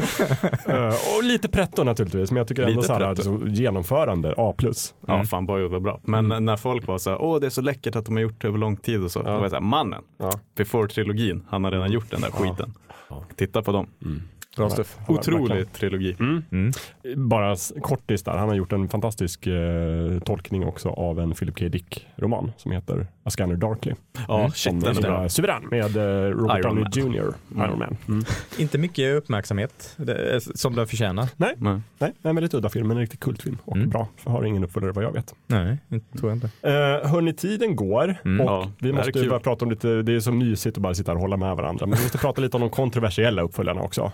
Mm. För, ja, jag vet inte, det har väl varit en följetong hela året här att vi tycker väldigt olika om uppföljare. Mm. Det gör vi. Eller så här, jag kanske var lite elak, men du säger ofta så här, åh den här filmen är så bra, den är från min barndom. Jag säger, är du dum i huvudet, det är den sämsta filmen, det är ingen bra uppföljare. jag skulle ha tagit med mig popcorn. Ja, men och jag, jag vill bara börja med att be om ursäkt för om jag har varit okänslig mot din barndom. jag förstår ju precis vad du menar. Man känner saker för saker. Men I vissa fall tror jag bara vi tycker lite olika om en Ja. film. I vissa fall så har vi bara olika hållning till vad en uppföljare ska vara. Definitivt. Och sen är det också så här, men vi har pratat om att om man är i rätt ålder så kan man älska saker. Mm. Men det är också så här, om man är i, i rätt ålder så kan man hata saker. Ja. Och jag tror att väldigt Wow. mycket av din så här, jag älskar saker-period sammanfaller med min så här, jag hatar uppföljare-period. För det är liksom, jag, jag menar, 90-talet någonstans är så här, de som jag aldrig såg när de kom, typ eh, Ghostbusters 2, sen såg jag dem några år senare och då var jag inne i så här, min, men jag vet väl vad en bra film är, det är Mm. inte det här. Och det, har- det har onekligen färgat mig i liksom, mitt gränslösa hat mot Ghostbusters 2 till exempel. Mm, och för, för mig är det, det Ghostbusters 2 är väldigt mycket, det följer samma struktur Ja. som ettan. Oh ja. eh, väldigt, väldigt nära. Eh, man kan så här, eh, byta ut och eh, stoppa in saker från Mm. ettan i tvåan och det skulle funka storymässigt. Ja. Eh, men den är också väldigt bra. Den, det finns den här charmen, eh, liksom det visuella, eh, musiken, eh, humorn. Liksom, allt det bra från ettan finns där. Det är bara en annan berättelse med samma verktyg. Mm. Och jag tycker det är fantastiskt charmigt. Så jag förstår inte, för det är en väldigt vanlig kritik mot Ghostbusters 2 att det ska vara en jättedålig uppföljare Ja. eller mycket sämre uppföljare. Ja. Och jag kan verkligen inte acceptera det. Jag tycker att båda två filmerna är Nej. jättebra. Men för jag minns ju när den kom, för jag såg den inte, för den, den kom kanske, när, vad ska man säga, 89. Ja, precis. Ja, första kom 84. Eh, ibland kan jag tycka att den är väldigt överskattad, men skitsamma. Eh, tvåan kom 89, jag var nio år, så jag såg den aldrig på bio, för det var typ 11-årsgräns eller någonting. Men jag såg ju liksom vad den gjorde med samhället runt omkring mig. Alltså jag såg affischerna, jag såg Mm. att det var snack om den. leksaker. Och, Ja, och jag läste ju Ghostbusters-tidningen och var så här, någonstans fattade jag. Mm. Men sen när jag såg den så var det bara så här. Och för jag, alltså mitt problem är väl bara att dels det är en kopia av den första filmen. Mm. Vi gör samma sak igen och det blir en sån här uppföljare uppföljare. Men sen tror jag det, det är som de flesta brukar peka på när de säger att den är dålig. Det är väl den här liksom, att det är en så cringe-worthy eh, slutscen med Frihetsgudinnan och liksom, så att det är så mycket ost helt plötsligt. Ja, fast eh, ja, alltså det är ju Stay Puff, Marshmallow-mannen från, mannen från eh, första filmen.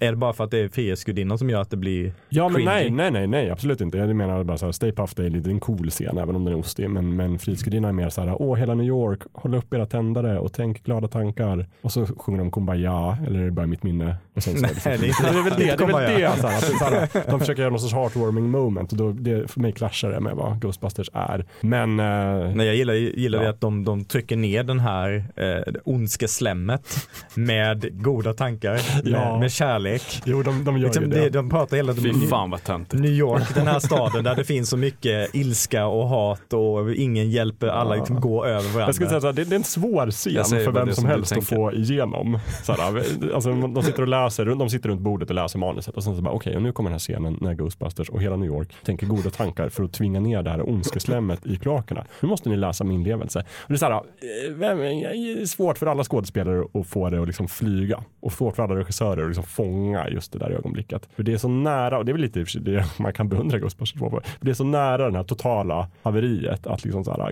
gud vad jag skämmer ut mig. Det är lite det hela tiden, att de går och balanserar. Eh, Men jag, jag börjar också kunna respektera det, särskilt eftersom att du talar så himla varmt om Ghostbusters 2. Så bara så jag tycker den är fantastisk fortfarande. Jag, Ska kan- väl också sägas att jag inte sett den på åratal. ja, jag kollar igenom båda filmerna med jämna mellanrum varje år. Varje vecka. Ja, Nej, inte varje vecka, men eh, flera gånger om året. det. På gammelmedia. På fysisk media, ja. Optiska skivor. Vad är det mer för uppföljare du älskar? Eh, som, som du inte Ja, älskar. ja men precis. Det är många vi har talat om. När du Eh, vet att du eventuellt är i minoritet. Eh, nu vet inte jag om du är så upphängd på den här serien, men jag, det är många som håller Robocop 2 som en jättedålig uppföljare. Jag Ja, tycker den är fantastiskt bra. Uh, alltså jag, är inte så, jag känner inte så starkt för Robocop överhuvudtaget. Jag tycker Robocop 1 är en bra film och sen så tycker jag uppföljarna är, ja jo, nej jag hatar dem. Det, jag tycker det är typiska uppföljare. Mycket därför att jag har läst liksom originalmanuset som Frank Miller gjorde. Mm. Och han hade någon sorts idé om en ganska rå och häftig uppföljare. Och sen så kom studion och bara, fast vi klipper bort allt som är lite stötande så gör vi den här väldigt tillrättalagda Ja, uppföljaren. fast tvåan är ju väldigt mörk och blodig och Mm. brutal. Det är Jo, trean lite som är mer- väldigt Ja, tillrättalagd. okej. Och trean är den, den familjevänliga. Ja. Tvåan är mer så här, fast storyn tappar nog tror jag. Det är mer så här, vi ska göra det råare än först. Jag vet Nej, jag tycker inte det håller. Ja, jag tycker den är suverän. När de tar den här eh, knarkbaronen Keynes hjärna och stoppar in din jättestor superkraftfull robot. Och, Att, eh, Okej, vi säger så här. eh, Tvåan är sämre än ettan, trean är sämre än tvåan tycker jag. mm, nej, jag tycker på- har jag, men jag ska inte säga någonting om Robocop för att jag har ju någon form av förkärlek för den här kanadensiska tv-serien från 97 som är typ Robocop Mm. the Series. De är väldigt lam på alla möjliga sätt. Men som jag har glada minnen från när jag jobbade typ på Coops varulager Mm. och kom hem på fredagskvällen och typ åt pannkakor och somnade framför Robocop som gick på tv. Men när, det, det, de, när de pratar om första filmen så, så säger de liksom när, när Murphy blir sönderskjuten av skurkarna, eh, liksom de skjuter av honom handen, Mm. spoilers, eh, skjuter av honom handen, liksom nä, nästan drar honom till dödens rand och att det ska vara en sån jättestark scen och det är det. Mm. Men i tvåan, där, där lyckas de, Kane och hans eh, kompanjoner fånga Robocop och liksom tortera honom. Eh, Mm. Trots att han är liksom en mekanisk så de, de sågar upp magen Ja. och liksom sprutar hans blod, Mm. liksom olja i ansiktet och Ja. sågar av armar och kastar ut honom Mm. utanför polisstationen där poliserna strejkar mot OCP. Och Ja. liksom det, det är också en, det är en starkare scen för mig. För mig är det en råare scen, men den är inte starkare. Det är för att det redan är gjort i första filmen. Och då är det så här, nu försöker ni bara överträffa första filmen och det blir sökt någonstans. Det är bara så här, jag köper inte. Nej men det, jag tycker det är mycket brutalare, Mm. mycket hårdare än första filmen. Eh, när jag var liten och såg det första gången tyckte jag det var riktigt jävla hemskt. Jo men det var det säkert också, det är ju det. Det är bara det att jag tycker att det är lite sökt såklart. Ja, Men, ja. men jag har hållit med. Nej. Och sen när han, när han hänger där inne på polisstationen och liksom det rycker i ansiktet och skjuter ut en liten, liten skärm där på, från armen, så här, liksom emergency, eh, critical failure. Ja. Liksom där, ah, han är på väg att dö liksom. Det kanske är att jag visste att den gick bra för att jag hade sett trean innan. ja men det kan du inte skylla på den för. Nej, jag vet inte. Det tredje exemplet vi brukar prata om är väl Neverending Story. Ja. Som är en, en barnfilm. Mm. Den, f- Den första- oändliga historien. den oändliga historien. Mm. Eh, fantastisk eh, soundtrack av eh, vad han heter. Mm. Ja, Kommer inte ihåg Tyska. som gjorde. Det är den här 80-talsikonen. Mm.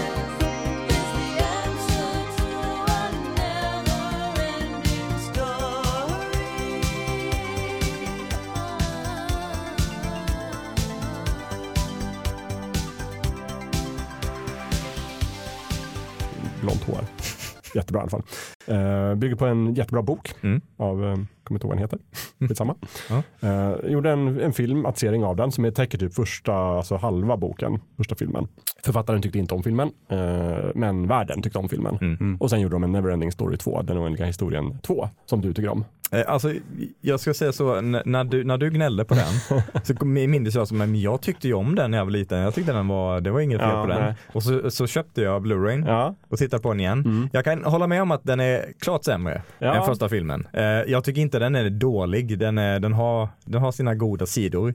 Men jag kan ge dig att äh, den, är, den är klart sämre. det är den, det är den faktiskt. bra. Du älskar porträtteringen av mig också, så att jag kommer in varje morgon och tar en ny uppföljare som jag spyr galla över.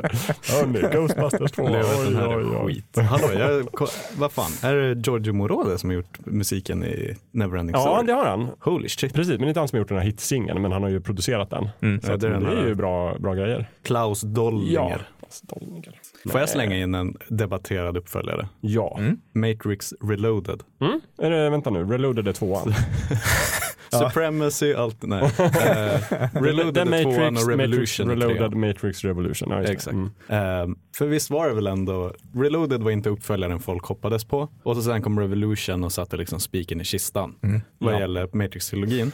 Men nu så här i efterhand kan man inte unna sig att tycka att Reloaded är en helt okej film.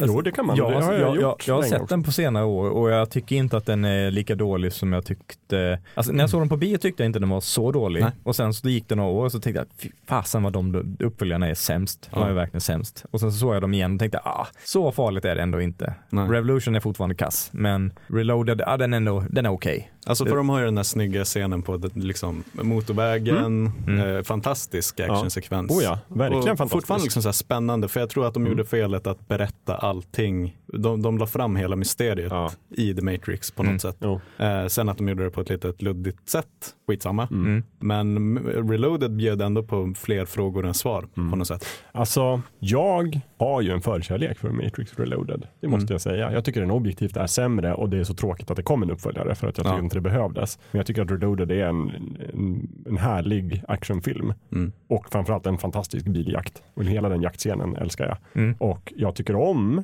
försöket, för Matrix var ju verkligen så här, det var ett tidigt försök att göra den här liksom franchisen Mm. av det. Och det är inte bara liksom att det skulle vara flera filmer utan att de skulle göra, de gjorde ett tv-spel Ja, där storyn liksom fortsatte och de gjorde de Animatrix. Animatrix som var så här, för att få hela storyn så måste man kolla på flera olika medier. Sen så Mm. misslyckades de ju totalt med det, men det var ett första försök. Um, och det kan jag gilla, jag älskade Matrix-spelet på GameCube också. Gillar du det? Ja, jag gillade det för att Aha. det var filmsekvenser och jag var bra. ganska bra på det också. Men jag tror att ett problem med Reloaded är att ehm, det, jag tror att folk förväntar sig liksom så här shit och du vet Neo han kan plötsligt flyga och vad ska hända Ja, nu i mm. The Matrix och så sen så börjar Reloaded med att de är i Zion och så kommer den här funky funky rave-scenen Ja, ja just det. när de ligger med varandra i slow motion. Och Ja, jag tror ja, att folk var så här, ja, "Åh, och den är för lång, fan." den är alldeles för lång. Ja, det- Den är, den är väldigt, väldigt, väldigt dålig. Mm. Så. Men, men också tror jag en grej med Matrix är att första Matrix, det var så otroligt stor grej när den kom att det var ett mysterium. Så här, Mm. Vad är The Matrix? Ingen Mm. visste det innan de såg filmen. Lever vi i The Matrix? Ja, Mm. och, när man, och sen så kom folk ut från bion och så bara, "Åh, min, hela min världsbild är ställd på en dag, jag ska inte säga någonting, gå och se. The Matrix. Och så gjorde man det. Och så folk hade och bara, trenchcoats. Oj, oj, oj. Nej men exakt. Så att det var ju så, hela den här liksom, den twisten som jag inte ska, får man avslöja The Matrix nu eller? Nej, jag säger ingenting. Nej. Men det, den stora twisten i ettan är så här, Mm. omöjlig att leva upp till när man gör en tvåa. Ja. Och det enda de kunde komma där med var liksom någon sorts konstig, vi vänder allt på ändan igen i slutet. Mm. Och bara så här, wow. Och hade de tänkt göra en uppföljare där så hade Mm. de inte avslutat ettan på det sättet. Exakt. Men också tycker jag tematiskt så går det från att första filmen är någon typ av punk techno noir Mm. Med sci-fi Ja. och så sen så blir det eh, fantasy av det. Ja, Ja. japp, japp, japp, japp. Och det var det Exakt. de gjorde fel. Ja, nej, men precis. Och i vissa dagar är man ju lite sugen på att se en skön action Ja. fantasy med trenchcoats. Och, men andra dagar är man ju inte. Mm. Och det är därför som att jag kommer kolla på liksom The Matrix om och om, och om igen tills jag dör tror jag. Men jag kommer bra. nog nästan aldrig kolla på The Reloaded. Och Nej. ibland kanske jag kollar på den här biljaktscenen bara för att uppskatta den rent tekniskt. Så Mm. ja, men det här är en snyggt gjord actionscen. Mm. För den, jag minns ju att de gjorde också stor sak av den när Reloaded skulle komma. Att de så här, "Haha, på den här, Mycket reklam. Och, den här biljaktscenen, den har vi lika mycket pengar på som hela The Matrix 1. och det är någonting att skriva om. sant, vi måste få se den.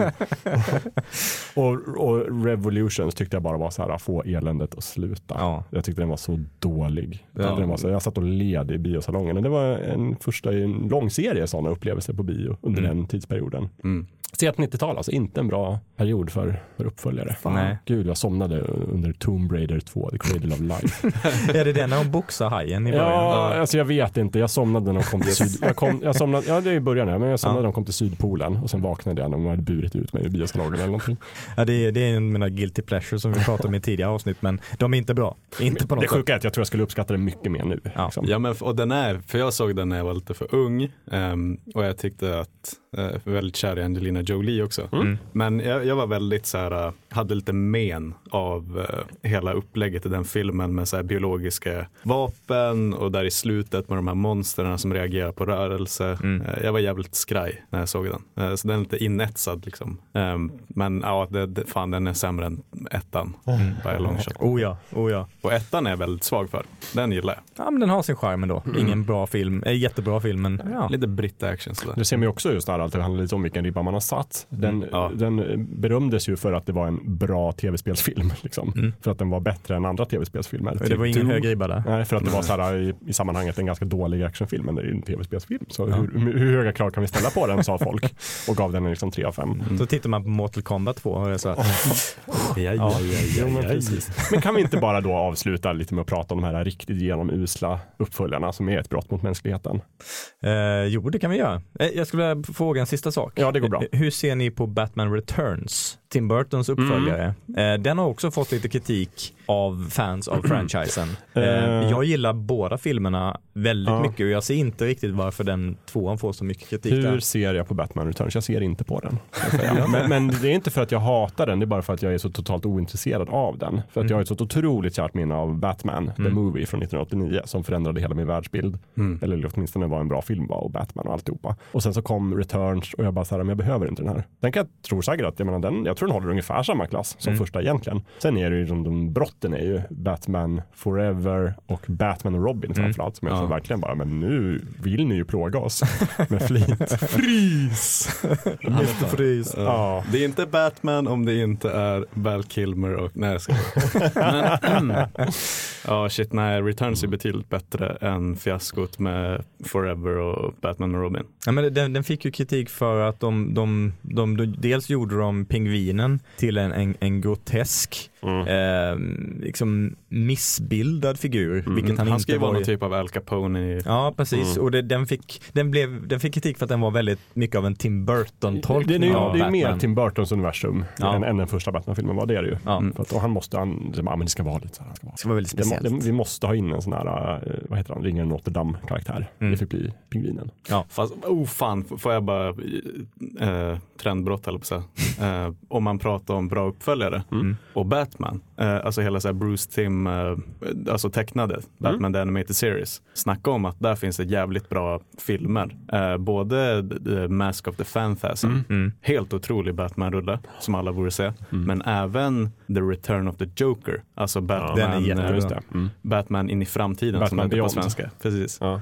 Eh, extremt bra liksom, Mm. uppföljare till det de har lagt en grund för i eh, de animerade Ja, serierna. verkligen. Mm. Och alltså, hela det animerade universumet är något vi borde Ja. Återkomma till någon gång Oh ja, kanske. Fan. Oh ja. men, men där tycker jag däremot att filmat, ja, nej nu, nu går jag lite utanför topic här, men vi kan gå tillbaka till skituppföljare. Det kan vi göra det och så kan vi avsluta på någon sorts härlig positiv ton kanske i slutet. Men bara hit me with your worst shot. Ja, Vilken är den sämsta uppföljaren som har gjorts? eh, ja, sämsta det, det har jag nog inte riktigt funderat över. Det, det finns ju väldigt mycket att välja över. Eh, Spider-Man 3. Jaha, intressant. Ja, den är högt upp. Den är inte bra. den, är den är för jävla dålig. Eh, The Last Jedi. Ja, Nu definitivt. sa jag det. Nej, Jo. Sämsta uppföljaren. Nej, inte sämsta men den är jättedålig. Ja, Eh, Mortal Kombat 2, den är fruktansvärt jävla dålig. men det, hur tänker man där? Tänker man alltså filmen i sig? Ja, det är klart det är en av de sämsta filmerna i hela världshistorien. ja. Men första är ju inte heller så himla bra, Mortal Kombat-filmen. Så Nej, jag tänker att fallet är inte lika högt. Liksom. Första Mortal Kombat-filmen är ändå en, en hygglig filmtolkning av spelen. Ja. Eh, och, och tvåan, de- dels är den, den är en katastrof på alla plan, Mm. men den ser sämre ut än ettan trots att den släpptes eh, några år senare. Ja. Eh, och och liksom det, det är hysteriskt dålig skådespel skådespeleri. Eh, det är inte det är liksom ingen Golden Globe till, eh, Nej. till första filmen men eh, alltså jävlar Ja. vad dåligt det är i andra Jo, verkligen. Men jag tänker så här, det jag skulle vilja ha, eller egentligen inte, men jag skulle vilja hitta uppföljaren så här, första filmen 5 av 5, uppföljaren 0 av 5. Ja, men där Tänk den som har fallit så, finns det någon sån? eh, Chinatown och uppföljaren The Two Jakes. Oj. Men det är en uppföljare som folk vet inte ens att den existerar för att den är så jävla obskyr. Och de som var med i filmen försöker låtsas att den inte finns. Det är Jack Nicholson i båda faktiskt. Jaså minsann. Ja. Ehm, Ja, Highlander Nej, 2 är annars en sån här som man brukar lyfta fram. Mm. Highlander 2 The Quickening.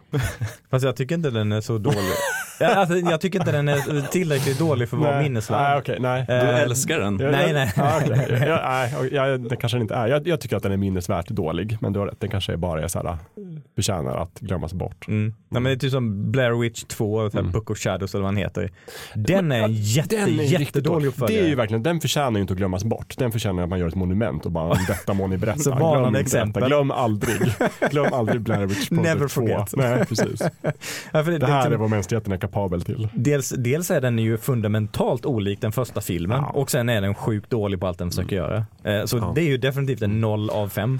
Men jag, jag tror man måste hoppa något steg för att den andra så-filmen är he- helt okej. men första så-filmen tycker jag är fantastisk. Um, snudd på fem av fem typ. Oj. Men jämför man den med de senare liksom som bara blev våldsporr. Mm. Där, där kan jag verkligen säga fem av fem som gick till att bli till fan noll av fem Mm. efter ett tag. Mm. Holy shit vad de slarvade bort det där. Och de borde inte ha fått uppföljare. Nej. Nej. Om de bara hade släppt filmen så, då tror jag fortfarande att man hade pratat om den på samma sätt som man pratar om typ Hereditary nu, som Ja, är en fantastisk fristående skräckfilm. Liksom. Ja. Eh, Eh, och sen eh, Hajen 4 är det väl? The, Är det The Revenge? Ja. Ja. den har jag skrivit upp här också. Den- den är också så här-. Det är också så här, det är imponerande hur mycket sämre den kan vara än Ja. Hajen 3 med tanke på hur dålig Hajen 3 var. Eller är det den som heter Hajen 3D? Nej, Hajen 3 är med Hajen Eller 3D. Hajen, ja, Hajen 3 Hajen 3D. Ja, och Hajen och- 4 är The Revenge. Ja, precis. Ja, just det. Mm. Herregud. Ja, men, ja. Dum och dålig, onödig också. Så här. Ja. Det är som ingen efterfrågade Hajen 4, men vi gjorde den ändå. Och Mm. vi gjorde den så här dålig bara för att ni ska verkligen Och hajen,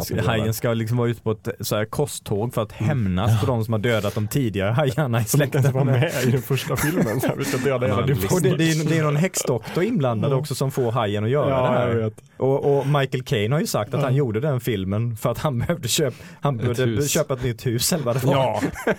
Jo men Alltså, vad, den vad ska han säga? Nej, Det är nej. också så här, men alltså jag tycker ändå att den är ju så pass dålig att Mm. jag älskar den för det. För att det är så här, det här är ju en skräp. Ja, det går ju att skratta åt den. igenom. Men det är bara så här, jag, ja. Sen har jag typ um, Dum och Dummare, fantastiskt rolig, omogen kom- komedi. Eh, Dum och Dummare 2, Har den ingen undertitel? Jag minns inte. Nej, jag tror bara heter Dum och Dummare. ja. Sen kommer vi, ja. Alltså för en, på, på engelska heter den Dumb and Dumber 2, alltså TO. Ja, Ja. just det. Ehm, där var det också när de så här, äh, nej det gick inte att göra en gång till. Och den är inte, den är inte liksom så här kräkdålig, ovan, men den har Ja. ingenting på den första filmen. På svenska heter den ju Dum och ännu dummare. Ja, okej. Mm.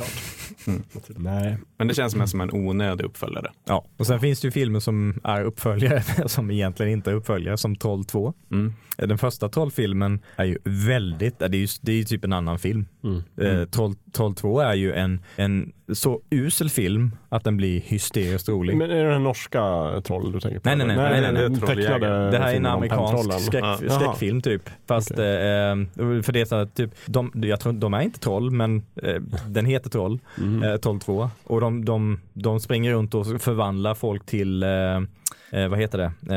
Eh, Troll? Växt, nej. De, de, de förvandlar dem till växt, växtsörja och sen så äter de den här växtsörjan. Ja, Och den, den är fruktansvärt usel och första filmen är typ en barnfilm. Eh, Den har, in- har ingenting med andra filmen att göra. Så att där, där, visst, där kan man snacka om en, en usel uppföljare fast det är egentligen bara en uppföljare till namnet. Ja. Den har ingenting med första filmen att göra. Fattar. Mm. Jag, jag tänkte på de här Trolls-filmerna. kanske. Trolljägaren kanske du Nej, tänker på? Ja, den tänkte jag också på. Men sen tänkte jag på de animerade Trolls med pentrollen. Ja, de ja, ja, trollen ja. med lila hår. Mm. Eh, Ja, de är bättre än Troll 2. Det är de säkert. Så. Eh, Speed 2, Cruise Control. Ja, fuck off. Onödig. Ja, När man, när man inte ens kan få Keanu Reeves Ja. att ställa upp igen, då vet man så här, vi kanske inte borde göra den här filmen. Nej. Fast det, ja, det är någonting roligt ändå med, med plotten i den filmen. Alltså. Men man kan ju gilla att se en misslyckande på det sättet. Så här, Det är Mm. kul att se Ned Svåda ibland. Mm. Mm. Det är kul att se Speed 2 Cruise Control ibland. När man har druckit lite. Och man är glada vänners lag. Men Die Hard 2 då? Var, var är vi där? Alltså det var ju den första jag såg innan jag såg Die Hard. Mm. Eh, Det var, Jag tycker de är ungefär jämnbra. Mm. Men, Det är ett typiskt exempel på en film som är, håller sig ganska lik ettan. Eh, nu är inte jag så jättestort fan av Die Hard. Jag har kanske känt starkare runt den om jag hade varit det. Men de är så pass lika så att det är en bra Die Hard-film till. Mm. Inget mer, inget mindre. nej, sen är det ju tycker jag trean, fyran och femman som gör den till usla. Ja. Och där tycker jag Alltså att... eh, trean är inte Trean, trean är så. OK, men det är, det, det är lite det här franchise-syndromet, att de blir en karaktär Mm. på något sätt. Och jag tycker Michael Scott i The Office förklarar det ganska bra, så här, när han pratar om varför Die Hard-filmerna är. För att i första Die Hard så är ju John McCain en vanlig kille, Mm. så här, inte osårbar. Och i den fjärde Die Hard-filmen så åker han liksom motorcykel genom en explosion och liksom tar en skråma och det är, så här, det är en helt annan film. Mm. Jag var på väg att säga dock att fan vad bra Die Hard 4.0 är. Man får tycka om Du den är faktiskt, alltså, jag- du, eh, challenge, Titt, titta Ja. på den en gång till. Jag har sett det är den, en men- solid ja, actionfilm. den är säkert en solid actionfilm. Ja, men däremot att den han kan- slåss mot typ Ja. ett så här F16 Ja, ja, jetplan. precis. Plockar, inte han ner en helikopter i den filmen genom att typ köra en motorcykel eller bil in eller vad fan det är? Jo men han gör ju han kör upp på någon bro tror jag och sen så Ja. stannar han och så skjuter han på något rätt ställe på helikoptern så att den kraschar och sen så kör han liksom genom explosionen. Eh, men grejen är det kan ju vara en jättebra actionfilm samtidigt som det är en dålig uppföljare. Mm. Då går det också. Ja. Och det är möjligt och att Die Hard 1 också är en actionfilm. Ja men och det där, där är väl kanske någonstans med Fast and the Furious också. Att jag tycker att ettan är bättre för då handlar det fortfarande om eh, liksom street race. Mm. De gör ju inte det sen framöver. Nej. Men de lyckas ändå göra någonting annat som, som jag tycker är bra. Men det är absolut inte en bra uppföljare till den första filmen Nej. på det sättet. Nej. Sen är Kevin Smith med också i en cameo. Det är lite kul. Jaha. Mm. Han, är, han är en hackare tror jag. Jag för mig, i, Die Hard 4.0. Ja just det, ja, han sitter där med sitt Xbox och spelar Gears of War. minns Ja, just det, Väldigt just tydligt. Lite produktplacering. Ja, Kevin han är ju med överallt om man inte stänger dörren känns det som ibland. Ja. Då kommer han in och är med, i filmen i en cameo. Eh, mina sista, jag har några sista Ja. som är så här, mi- mitt paradexempel på skräpdåliga uppföljare. Mm. Det är ju den gamla filmserien Polisskolan, Police Academy. Ja, ja. oj, Fy fan, tack för att du sa det. Där jag tycker att Police Academy 7, Mission to Moscow från 1994, är den sämsta Polisskolan-filmerna. Ja, håller med. Och sen så tycker jag att Polisskolan 5, Uppdrag Miami Beach, Det är fan den bästa. den näst sämsta Holy shit, filmen. det är, den- det är den överlägset bästa Ja, filmen han den skjuter med en Magnum 44 på hajen i Ja, vattnet. den är så jävla bra. Alltså för jag tycker ettan, tvåan, trean, fyran, alltså Polisskolan, Polisskolan 2 första uppdraget, Mm. Polisskolan 3 äh, åter till eh, klassrummet eller något sånt där, Mm. Polisskolan 4, äh, Kvarterspatrullen, Mm. är hyfsade buskisfilmer liksom, e- enligt amerikansk modell. Men det är så länge Carrie Mahoney är med som man kan relatera till. Sen när han försvinner och de tar in så här, Lestrads mm, brorson Ja. i femman, då har man ju tappat det. Nej, alltså förlåt Jakob, men jag tycker att, eh, för jag, och de är, det är också en sån här exempel på när uppföljarna inte påminner om, om de första filmerna. För tittar man på första tre, fyra Polisskolan-filmerna, där är det ju verkligen Polisskolan. Ja. Miami Beach, det är ju mycket mer en liksom cheesy, mm, så här, Florida knark eh, action rulle typ på något sätt. Men alltså jag, jag älskar den filmen. Okej. Det, för mig är det den Ja. bästa, eh, bästa Polisskolan-filmen. Det är så länge sedan jag såg den nu men jag tyckte inte om den då minns jag i alla fall. Kanske skulle tycka annorlunda nu. Den är så vet? förbannat rolig alltså. För sen, men sen är det, för den tycker jag ju Polisskolan 6 då eh, går under jorden. Den, där försöker de ju göra en sån här back to the roots Mm. igen. Där, fast det ska vara i New York igen och det ska vara väldigt mycket referenser till de första tre filmerna och sådär. Misslyckas kapitalt men det är i alla fall inte en annan film. Och sen tycker jag eh, Polisskolan 7, Moskva. Moskva, Ja. är bara så här, vad fan håller ni på med? Varför? Ingen av er, alltså, Ja men då hade mjölken surnat. Ja. Det Ja. var långt efter bäst före-datum. Alltså. så var det någon som tvingade er att göra den här filmen eller vad hände? Ja, det, de skämten är trötta och eh, verkar inte som Ja. att någon inblandad riktigt vet För varför de gör ofta är det också så här att man behåller liksom rättigheterna till att göra någon sorts franchise Mm. så länge man gör filmer. Jag tänker om det kunde vara en sån grej. Men vem skulle vilja behålla Polisskolan-franchisen så? Mm. Kanske dags för en eh, remake, en reboot. Mm, en soft reboot. Ja. Ehm, jag har två som jag måste nämna. Ehm, vi måste prata supersnabbt om Gudfadern del 3. Okej, jag har inte sett den. Du har inte gjort det? Nej, där är också den här. Oj, wow. Jakob Radan har också slagit ut på den. Så jag bara, men jag har ju sett Gudfadern 1 och 2 och tycker de är fantastiska. Jag har hört Ja. att Gudfadern 3 är dålig. Jag undviker den. Så det är många sådana där jag inte har sett. Oj, det, är, det är nästan lite fegt av dig, Jag vet. Jakob. men det finns så mycket. Nej men alltså för Gudfadern 2 toppar ju alltid alla listor över de bästa uppföljarna Mm. genom tiderna. Uppe där med Terminator 2. Ehm, och trean Men eh, kan det inte vara att det tog ju dels tid innan trean kom. Ja, den släpptes ju 93. Ja, Och de så, andra att, så att de 72, liksom såg det 74. som eh, posören eller liksom den som försökte vara en del av eh, liksom en, en trilogi men inte riktigt hörde hemma där. För, tittar man bara på filmens kvalitet så är den ju bra. Ja, eller hur? Jag- det, jag det är tycker dit den är jag vill bra. komma. Liksom. Det, den är, det är en uh, skitdålig uppföljare till Gudfadern del 1 och 2. Mm. Men eh, om man, jag tittar på det mer som du vet 2 plus 1 och inte att det skulle vara en trilogi. Mm, mm. För han ville också att den skulle heta The Death of Michael Corleone Mm. och inte Gudfadern del 3. För han ville separera. Mm. Ehm, och det, jag tror typ att till och med en sån liten grej hade kunnat sätta trean i bättre dagar på något Mm. sätt. Ja, Om den man hade inte dömts separerat lika li- hårt Nej, nej, tror jag inte då. Men sen också så här att Sofia Coppola inte kunde skådespela och att det var liksom det ena med det andra. Men eh, jag tycker definitivt att du borde se den Jakob. För det är, inte en, det är inte en dålig film och slutet är fantastiskt bra. Jag ska göra det. Men ska jag berätta en annan grej om Gudfadern och mig? Mm. Jag har bara sett Gudfadern 1 och 2 en enda gång Oj, i ett svep. det är ju min titta på en gång om året. Mm. Alltså? Film. Ja. Mm. Ja, jag har bara, kanske bara sett en tre, fyra, dem en tre, fyra gånger men Mm. Ja, de är under årens lopp. Men de är väldigt bra. Ja, nej, men jag njöt så himla fulländat av dem när jag såg dem. första Ja, då gången. kanske man inte... Jag kanske känner mig väldigt klar där. Så. Men det är klart, jag kan väl förstöra det minnet genom att titta på trean. Det är inga problem. Så, Nej tack Gustav. Nej, alltså jag älskar ju Sofia Coppola. Jag tycker hon har gjort egna fantastiska filmer Hon är en efteråt, så att fantastisk jag- Det är inte synd om alltså. henne för Shit, att hon inte hon kunde skådespela. Men han har ju Nej. verkligen bevisat sig. Eh, Så att det är klart man ska se den någon gång som kuriosa. Mm. Ja men det är också så här, folk, för det skulle vara Winona Ryder och folk tänker Mm. att det hade blivit fantastiskt. Och så, ja. Får jag bara slänga in en sista? Ja. När vi hade formatearverken så såg det ut som ett frågetecken när jag plötsligt lyfte eh, Fast and the Furious på slutet. Ja, ja, ja, det var Så kul. nu, Det var en tänkte jag göra, nu tänkte jag göra en likadan twist och säga att en av de bästa uppföljarna eh, i modern tid, det är inte ens modern tid, är Byhåla 2. Mhm. Vad heter den? Byhåla. Alltså Ronny och Ragge. Jaha, jag, jag, jag tänkte om det var någon svensk översättning på en amerikansk film. Ja, Ja, ja. Folk tror att det heter Ronny och Ragge men de hette ju Byhåla Ja, jo. 1 och 2. Och i första säsongen ju båda två eh, blonda för det första. Ragge är också blond. De har inte satt eh, rösterna. Nej. Så de pratar på någon, någon jättebred norrländsk bababab. Eh, Byhåla 2, fan där satte de karaktärerna. Och det gör Ronny och Ragge som folk minns. Holy shit, en av världens bästa uppföljare någonsin. Okej. Jag har bara sett den första. Eh, Men syrran var väldigt förtjust i Byhålan och Ronny Ragge. Mm. Så att jag har sett en del av de två karaktärerna i alla fall.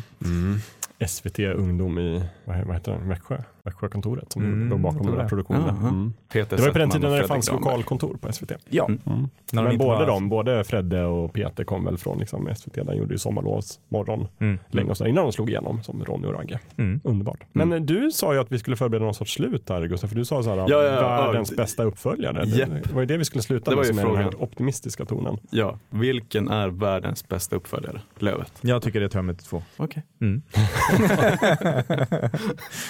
Ehm, utan tvekan. Ja. Eh, för att de- den är, den är bättre på alla plan. Eh, jag kan liksom känna igen de goda kvaliteterna med ettan. Att den känns liksom som mer indiefilm, lite mer eh, ehm, kompakt eh, och eh, eh, kvalitativ upplevelse. Men tvåan den, är, den, den tar allting till en ny nivå. Mm. Liksom musik, skådespeleri, audiovisuella eh, liksom effekter, ehm, liksom, eh, filosofiska tankar som väcks. Eh, ja, det är, det är sjukt bra. Sjukt bra. Mm. Så att, eh, ja, nej, jag tror ingenting kan konkurrera med den. Om man bara ska se det som bra uppföljare, då är den milsvid mycket bättre. Kanske att Mad Max 2 också är liksom i den kvalitetsskillnaden, men eh, T2 är ändå den bättre filmen. Mm.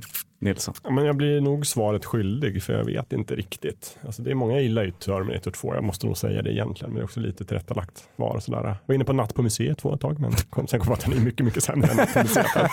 men inte lika dålig som Natt på museet 3. Nej, nej, Så nej. att, eh, jag har någon så här på tungan som jag liksom inte får fram här, som jag, liksom är så uppenbart, som jag sen kommer säga, jo men det är klart att det är den. Mm. Någon av mina gamla favoriter, men ja, jag vet faktiskt inte, jag kommer inte på. Mm. Får jag hoppa? Men Jag ska för- flika in, om man räknar trilogi eller, eller berättelsesamlingar, då Ja. är det ju Empire Strikes Back såklart. Men om man bara ska, i min definition av uppföljare, då är det T2. Vad säger du då Gustav? Är du beredd att klippa efter att jag säger titeln så att jag Vi slipper, bara håller där, slipper motivera? efter den blir slut. Ja. Uh, Episod 6, Return of the Jedi.